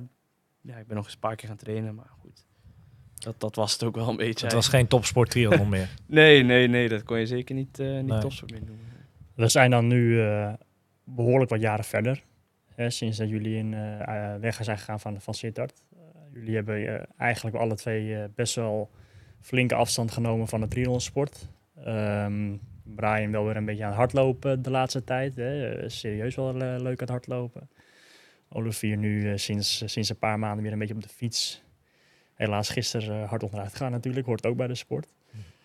Maar behoorlijk wat jaren verder. En eh, ja, echt een beetje afscheid van genomen. En dan eh, komen er ineens vorig jaar wat berichten naar buiten. Ja, dan gaat het rommelen ineens. Hoe, hoe is dat bij jullie? eh, Ja, eh, hoe is dat bij jullie gekomen? Vanaf wanneer hoorden jullie dat er wat rommelde? Dat- Dat er, dat er wat aan zat te komen? Laat ik het dan zo even zeggen. In de media was het oktober 2021 dat er van alles kwam. Maar hoe is dat gegaan? Nee, dat, dat was voor mij ook het moment dat ik ervan hoorde. Oké, dus Ik echt weet- uit het niets. Ja, Ja, ik, voor mij ook. Hoor. ja, ik weet nog dat ehm, een, een andere atlete die stuurde mij een bericht van hey eh, Olivier, ik weet niet of je het gezien hebt, maar ehm, We zijn ergens mee bezig. Het NTC is in het nieuws Mhm. eigenlijk. Ehm, en vrij snel kwamen er nou, wat krantenberichten. Ehm, ja, en, en ik, ik schrok er wel van. Ehm, voornamelijk omdat ik persoonlijk best een lange tijd nou, ja, het vooral bij mezelf heb gehouden. Ik, heb, ik had eigenlijk het gevoel, ik heb het zelf verkloot. ik heb die eetstoornis ontwikkeld. Ik heb mijn potentie niet benut. Ja, en dan Ehm, ineens lees je dat het, dat het, dat het Ja, meerdere mensen Nou waren. ja, ik, ik, ik keek wel vooral naar mezelf. Ik, Ja. Ik had niet zoiets van, nou, ehm, ik ben daar verwaarloosd. En, ehm, ja, en daardoor is het fout gegaan. Nee, ik was, ik was heel kritisch op mezelf. En ik had wel... Ja, er zat bij mij toch wel vooral een beetje het, het verdriet van... ehm, ik, heb, ja, ik heb het niet waar kunnen maken. En toen dat naar buiten kwam en toen ik eigenlijk las dat, dat veel atleten dat hebben ervaren... toen kon ik het wel wat beter in perspectief plaatsen. Ik moet heel eerlijk zeggen dat ik vind het ook belangrijk om te benoemen hoor. Dat ik heb, ik heb ook echt leuke momenten meegemaakt in het, in het NTC. En ik vind het ook heel goed dat zo'n trainingsprogramma er is. Ja. Ehm, maar het is gewoon heel belangrijk om, om er wel kritisch naar te kijken hoe je jonge atleten natuurlijk het best kan begeleiden. Maar ik, ik vond het gewoon heel jammer om te lezen. Want ik, want ik, ik heb zelf gewoon een hele vervelende periode meegemaakt. En ik heb echt een, nou, wel een beetje mijn, mijn passie verloren. Ja, Ehm, heb ook eigenlijk vanaf het moment dat ik weg ben gegaan in Sittard, heb ik ook eigenlijk niks meer qua duursport gedaan. Ik, was, ik, ik heb echt een lange periode zonder plezier gesport. Eh, en op dat moment, ja, dacht ik, nu, nu moet het niet meer, nu hoeft het niet meer. Ehm, en hoe sta je daar, eh, hoe sta je daar nu in? Gaat die triathlon, die hele, er ooit nog komen? nou ja, het is wel grappig, want er zijn een aantal momenten geweest dat, dat het, ja, ergens voelt het nog een beetje... Want die passie is natuurlijk niet weg. Nou, ja, het voelt dat- een beetje als een onafgesloten hoofdstuk. En dat kwam eigenlijk weer een beetje naar boven toen die berichten naar buiten kwamen. Dat, Ja. Kijk, wat, wat ik denk ik, wat ik vooral voor mezelf misschien ooit nog een keer recht wil zetten, is niet zozeer, ik, ik hoef niet op een hoog niveau, Nee. zeg maar, weer een, een triathlon te doen, maar ergens toch die potentie benutten. Ja. Ehm, het is gewoon heel, ik vind het heel erg zonde als ik bijvoorbeeld kijk dat als je mij vraagt van hoeveel wedstrijden heb je nou bijvoorbeeld echt echt- Alles eruit gehaald. ja, en echt genoten. Nou, dat is er één. Dat is de Beach Duathlon in Noordwijk. die ik als trainingswedstrijdje meepakte. Ja. Omdat dat was in die winter van 2011 dat ik in het NTC trainde. Waar ik gewoon... Ik stond met, met overschot aan de start. Ik was zo goed getraind dat ik tijdens die race... Alles, joh, ik kon eh, nog drie andere dingen bij wijze van spreken doen. Maar ik ging knijterhard. En ik Ja. had 10 minuten op de nummer 2 op een korte afstand. En dat is eigenlijk de enige wedstrijd geweest dat ik met zelfvertrouwen aan de start stond. Dat ik, dat ik goed voorbereid was. En ik vind het gewoon heel jammer dat ik, dat ik heel veel wedstrijden, of, of in ieder geval sport heb beleefd, op een manier met heel veel onzekerheid. Ja, Ehm, met, met, waar, waar dat zo de overhand had dat, het, dat de plezier weg was. Waar ik zo bezig was met presteren. Ehm, en ergens heb ik nog wel, eh, kriebelt het nog wel om een keer, nou, maar ergens goed voor voor te bereiden. Binnen zeg maar nou de tijd en mogelijkheden die ik heb. Ehm, Ja. Om wel met een mooi gevoel, ja, toch nog een keer een, een triathlon of een duursportevenement te doen. en dan een strik eromheen te doen en dat was hem dan. Nou ja, misschien niet eens per se. Ik, ehm, kijk, ik had eerst natuurlijk een aantal eh, uitdagingen met mijn eetstoornis, Mhm. eh, mijn studie, met eigenlijk mijn, mijn leven weer op de rit krijgen. Ehm, een beetje de Olivier 2.0. Wie is Olivier als hij geen topsporter is? Ja, Eh, daar kwam, kwam een hele hoop bij kijken. En dat, is ook, dat heeft ook jaren geduurd voordat ik nou, daar bijvoorbeeld ehm, mezelf weer een beetje in heb gevonden, nieuwe passies heb gevonden. Alleen ik merk wel dat nou, bijvoorbeeld elke keer als Olympische Spelen zijn, ja, ik kijk, het. ik kijk elke sport. Ja, Ik, eh, voor mij is zeg maar, de emotie die ik het sterkst voel, is met sport. Zeg maar, ik kan met tranen in mijn ogen kan ik naar sportprestaties kijken. Mhm. En ehm, ja, mijn grote passie is nog steeds sport. Mhm. Ehm, en ik heb het heel lang, ja, ben ik, daar, ben ik daar niet mee bezig geweest. Maar ik merk wel gewoon, en ik begin langzaam ook weer toe te geven aan mezelf. Van, Nou ja, toen we vorige week het over hadden van, van nou, zullen we volgende week gaan zitten? Dat, dat, en waarover dan? Nou, over triathlon. Jullie waren bijna allebei heel snel om. Want ja, dat, dat, en het is, was weer dan met Milan en ik. En, en ja, de, de reunie was aanstaande, zeg maar. We hebben het binnen een paar dagen geregeld en hier zitten we. Ja, ik denk dat het ook wel kwam omdat ik op een gegeven moment ehm, besefte dat ik, het- dat ik het ook wel prettig vond om een verhaal te doen. Ook Ja. voor mezelf. Er zit bij mezelf natuurlijk ook. Ik heb er eigenlijk nooit met, met. Nou, ik heb er natuurlijk wel wat over gepraat op een gegeven moment met andere mensen. Maar ja, eigenlijk niet echt met andere triatleten. Niet Nee. echt met mensen die mij ook kennen van daarvoor. Maar dat is ook de reden waarom we dit hebben afgesproken. Kijk, we hebben er met z'n allen wel even goed over nagedacht. En eh, in eerste instantie waren we het ook niet allemaal eens om het wel te doen. Uiteindelijk hebben we alle neuzen dezelfde kant op gegaan. Want we doen het ook voor anderen. En vooral wat jij net ook zei, ouders met de, de- de kinderen die mogelijk...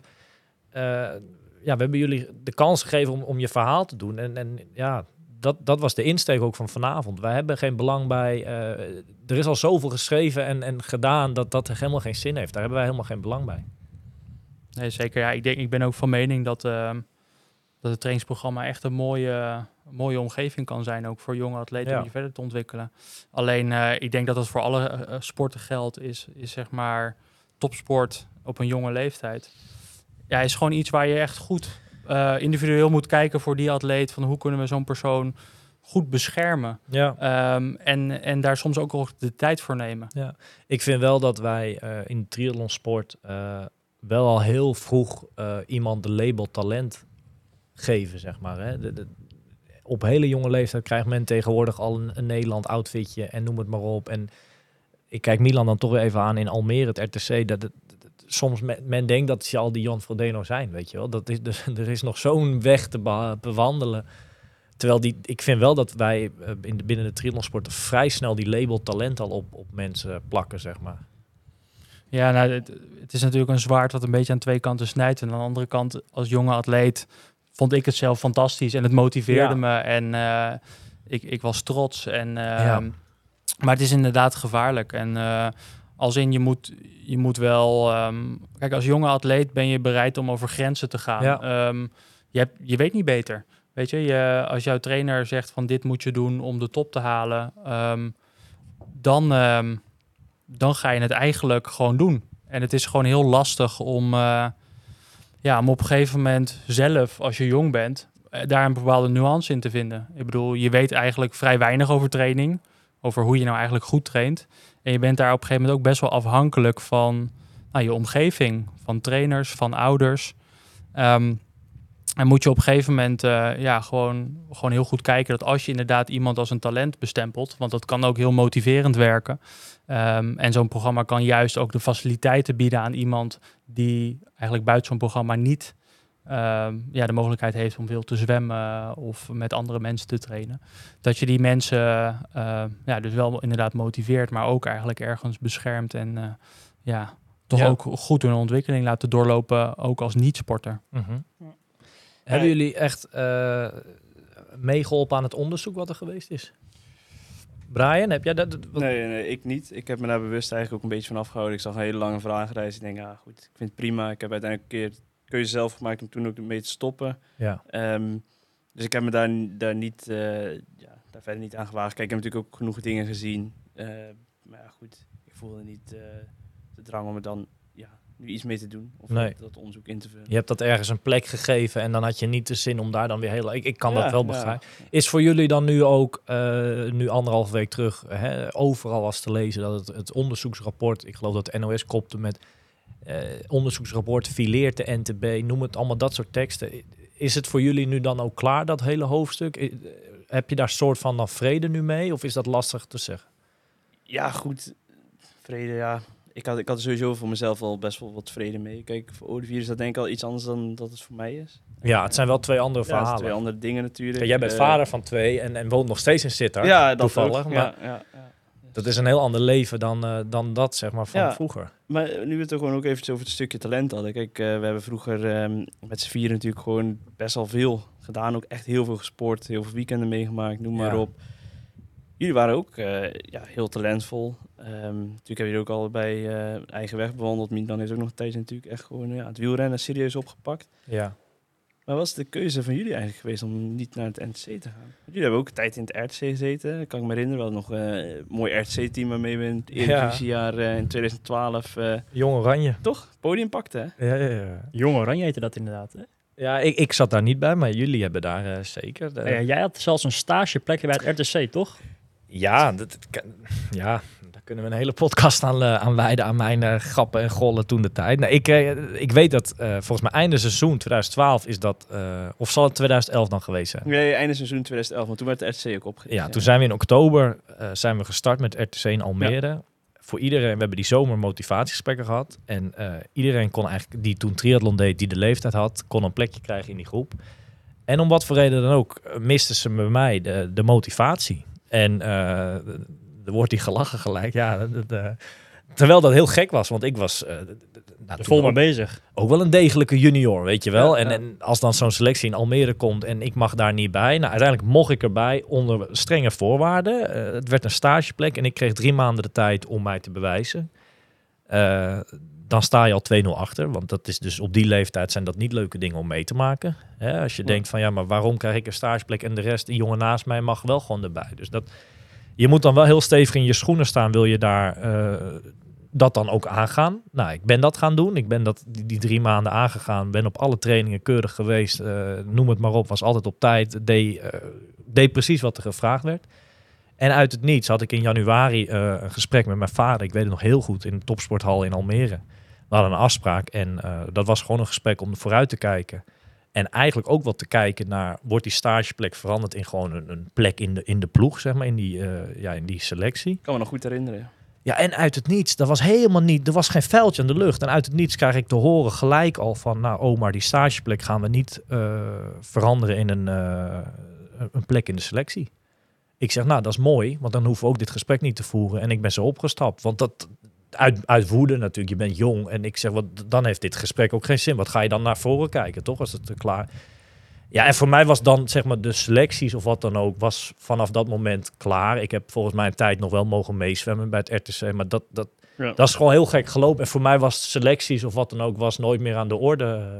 En dat is ook wel een reden geweest waarom Milan en ik op een gegeven moment sneller naar langere afstanden gegaan zijn. Omdat er voor ons lag daar niks. Ik kijk Milan even, ik denk dat jij Ja, bent toen gaan fietsen, denk ja, ik. nou ja, zeker. Ik, ik ben eigenlijk... ehm, ja, kijk, we- wij deden, wij deden toen de tijd echt alles samen. Ja, Ehm, en het was voor mij ook al een beetje gek dat jij er niet officieel soort van bij zat. Hè?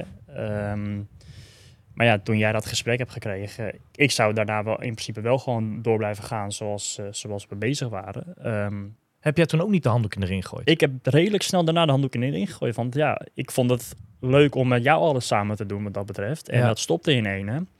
Ehm, ja, bij mij begon het er ook een beetje te denken. Ik begon ook een beetje te denken van ja, voor wie en voor wat. En wat, wat, wat gaat het allemaal op een gekke manier? Ja. En wil ik het dan nog wel op deze manier? En ehm, eh, los daarvan, eh, wij waren toen zeker niet van niveau dat we ook naar Sittard eh zouden de- moeten gaan. Kijk, hè. Brian vroeg het net, maar er is nooit sprake van geweest. Alleen Nee. ik moet wel zeggen, door eh, vele voorbeelden, maar ook zeker de voorbeelden van jullie, de verhalen.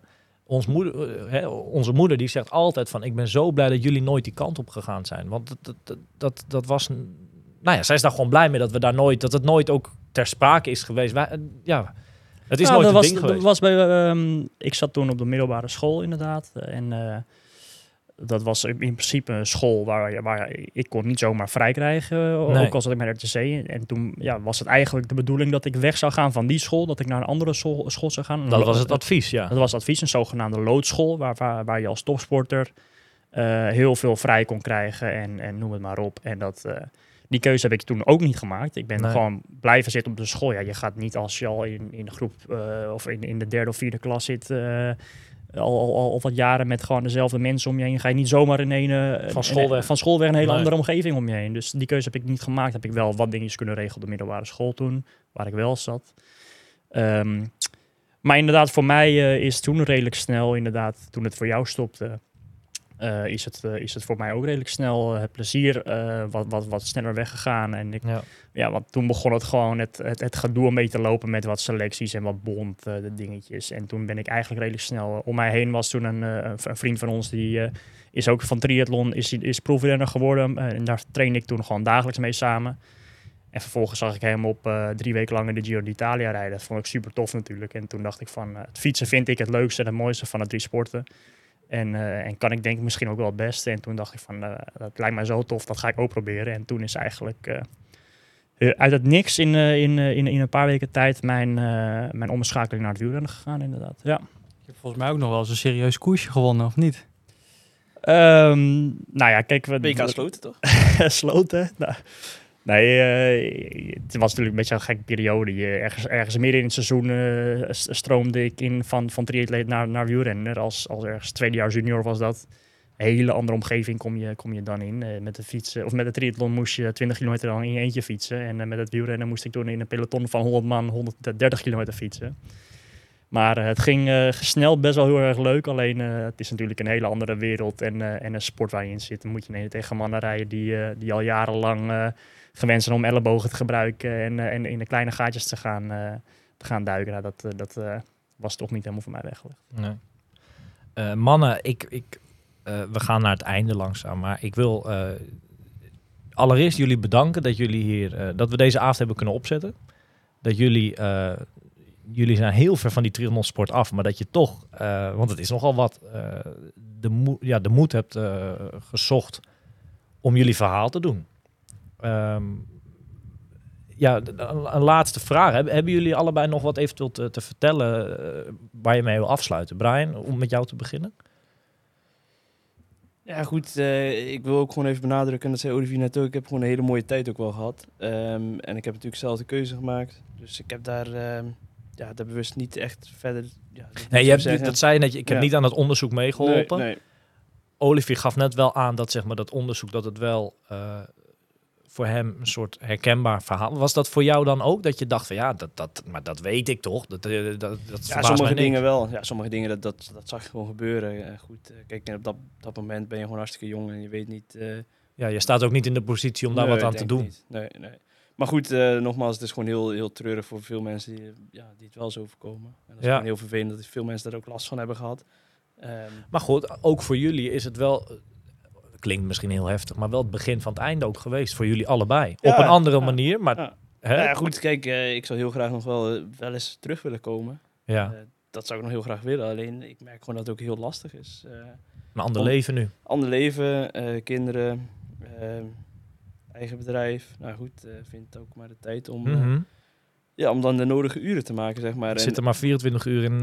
Ja, ja, precies. En wat, heel, wat ik heel lastig vind, en daar worstel ik gewoon nog mee, is kijk, ik kan het niet dan helemaal op een, eh, echt op een amateurniveau eh, Ja. zien, zeg maar. Als, het, als ik mee moet- wil doen ergens of ergens mee wil doen, dan moet ik gewoon goed aan de start staan. Ik kan niet, zeg maar, eh, Ja, dat is Ja. een probleem waar we het vorige... Dat, dat is mijn Ja. verhaal. Dat is hetzelfde. Ik heb dat ook. En Ja. dat, dat is heel... eh, zie daar maar eens uit te raken. Of zie dat maar eens op een leuke manier... eh, ja, los te laten vooral. ja, dat En snap daar ik worstel ik, wel. ook gewoon heel erg mee. En Ja. ja. ja, goed, ik heb toen de stap gemaakt wel naar de, naar de marathon toe. Ik heb dit jaar in april een marathon gelopen. Eh daar heb ik als, ja, meer als haas gefungeerd. Ja.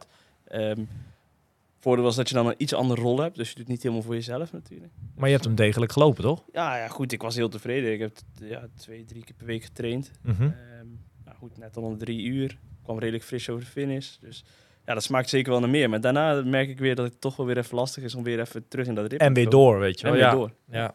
Ja. Olivier, hoe is dat voor jou? Ja, nou, ik, ik herken wel dat ik ben weggebleven van de sport. Maar ook Mhm. wel omdat ehm, ja, je hebt het op een bepaald niveau heb je het beoefend. Ja. En ehm, Wat heb jij dat bijvoorbeeld als jij nu, ik noem maar wat, eh, dit weekend we zoeken een loopwedstrijdje uit en we staan er aan de start. Heb jij dat dan ook wat Brian nu zegt? Dat, daar moet gelijk, daar komt gelijk een bepaalde druk of, of weet ik veel bij kijken voor jezelf? ja, eigenlijk wel. Ja. Ehm, Dus Ook- dat, hebben wij, dat, dat hebben wij dan allemaal wel een beetje. Dat je zeg maar de, de afstand hebt genomen van die sport. Maar dat dat, dat er nog helemaal in zit, zeg maar, zo extreem. Ja, nou, wedstrijden waren wel inderdaad vaak eh, om te presteren. Ja. wat dat betreft. Tenminste, dat Ehm, is het geworden op een gegeven moment. Dat dan. is het geworden op een gegeven moment. En, ehm, en dat is wel wat ik, ehm, ja, wat, wat ik eigenlijk ehm toewens aan veel jonge atleten. Is dat ze eh, toch op een of andere manier toch die plezier, het plezier in de sport erin houden. Ja. kunnen... Ja, dat ze dat in kunnen blijven houden. ondanks dat je natuurlijk wel gewoon in een, eh, in een prestatieomgeving Ja. zit. Want Dat is hoort wat Milan, eh, topsport. wat Milan van de week vertelde over de Noren, die jij laatst hebt gezien in Samorin. Dat heerste bij hun nog heel erg, hè? vooral dat plezier. Ja, zeker. En, en zij zijn eh, ook al volgens mij ruim tien jaar lang eh, samen. mij- En, en ook begonnen als een soort van groepje samen trainen. En dat is groter en groter geworden. En bij Wij hebben tegen Bloemenveld gereisd. Ik vond, zocht, vond laatst foto's van Holte dat ik naast hem eh, op de startlijn sta. Ja. Nou ja, bij, bij die jongens en, en die groep daar heeft het blijkbaar heel erg goed Ja. uitgepakt. En ik fietste met Gustav Iden. ja. Die was nog niet. Ik, ik was ook niet denderend met zwemmen toen in de junioren. Maar blijkbaar hij ook toen nog niet. Eh, ik zat met hem op de fiets. Nee, maar goed, ik denk dat dat, eh, dat, dat, dat hadden we wel in Almere. Dat leuke, die leuke trainingsgroep eigenlijk.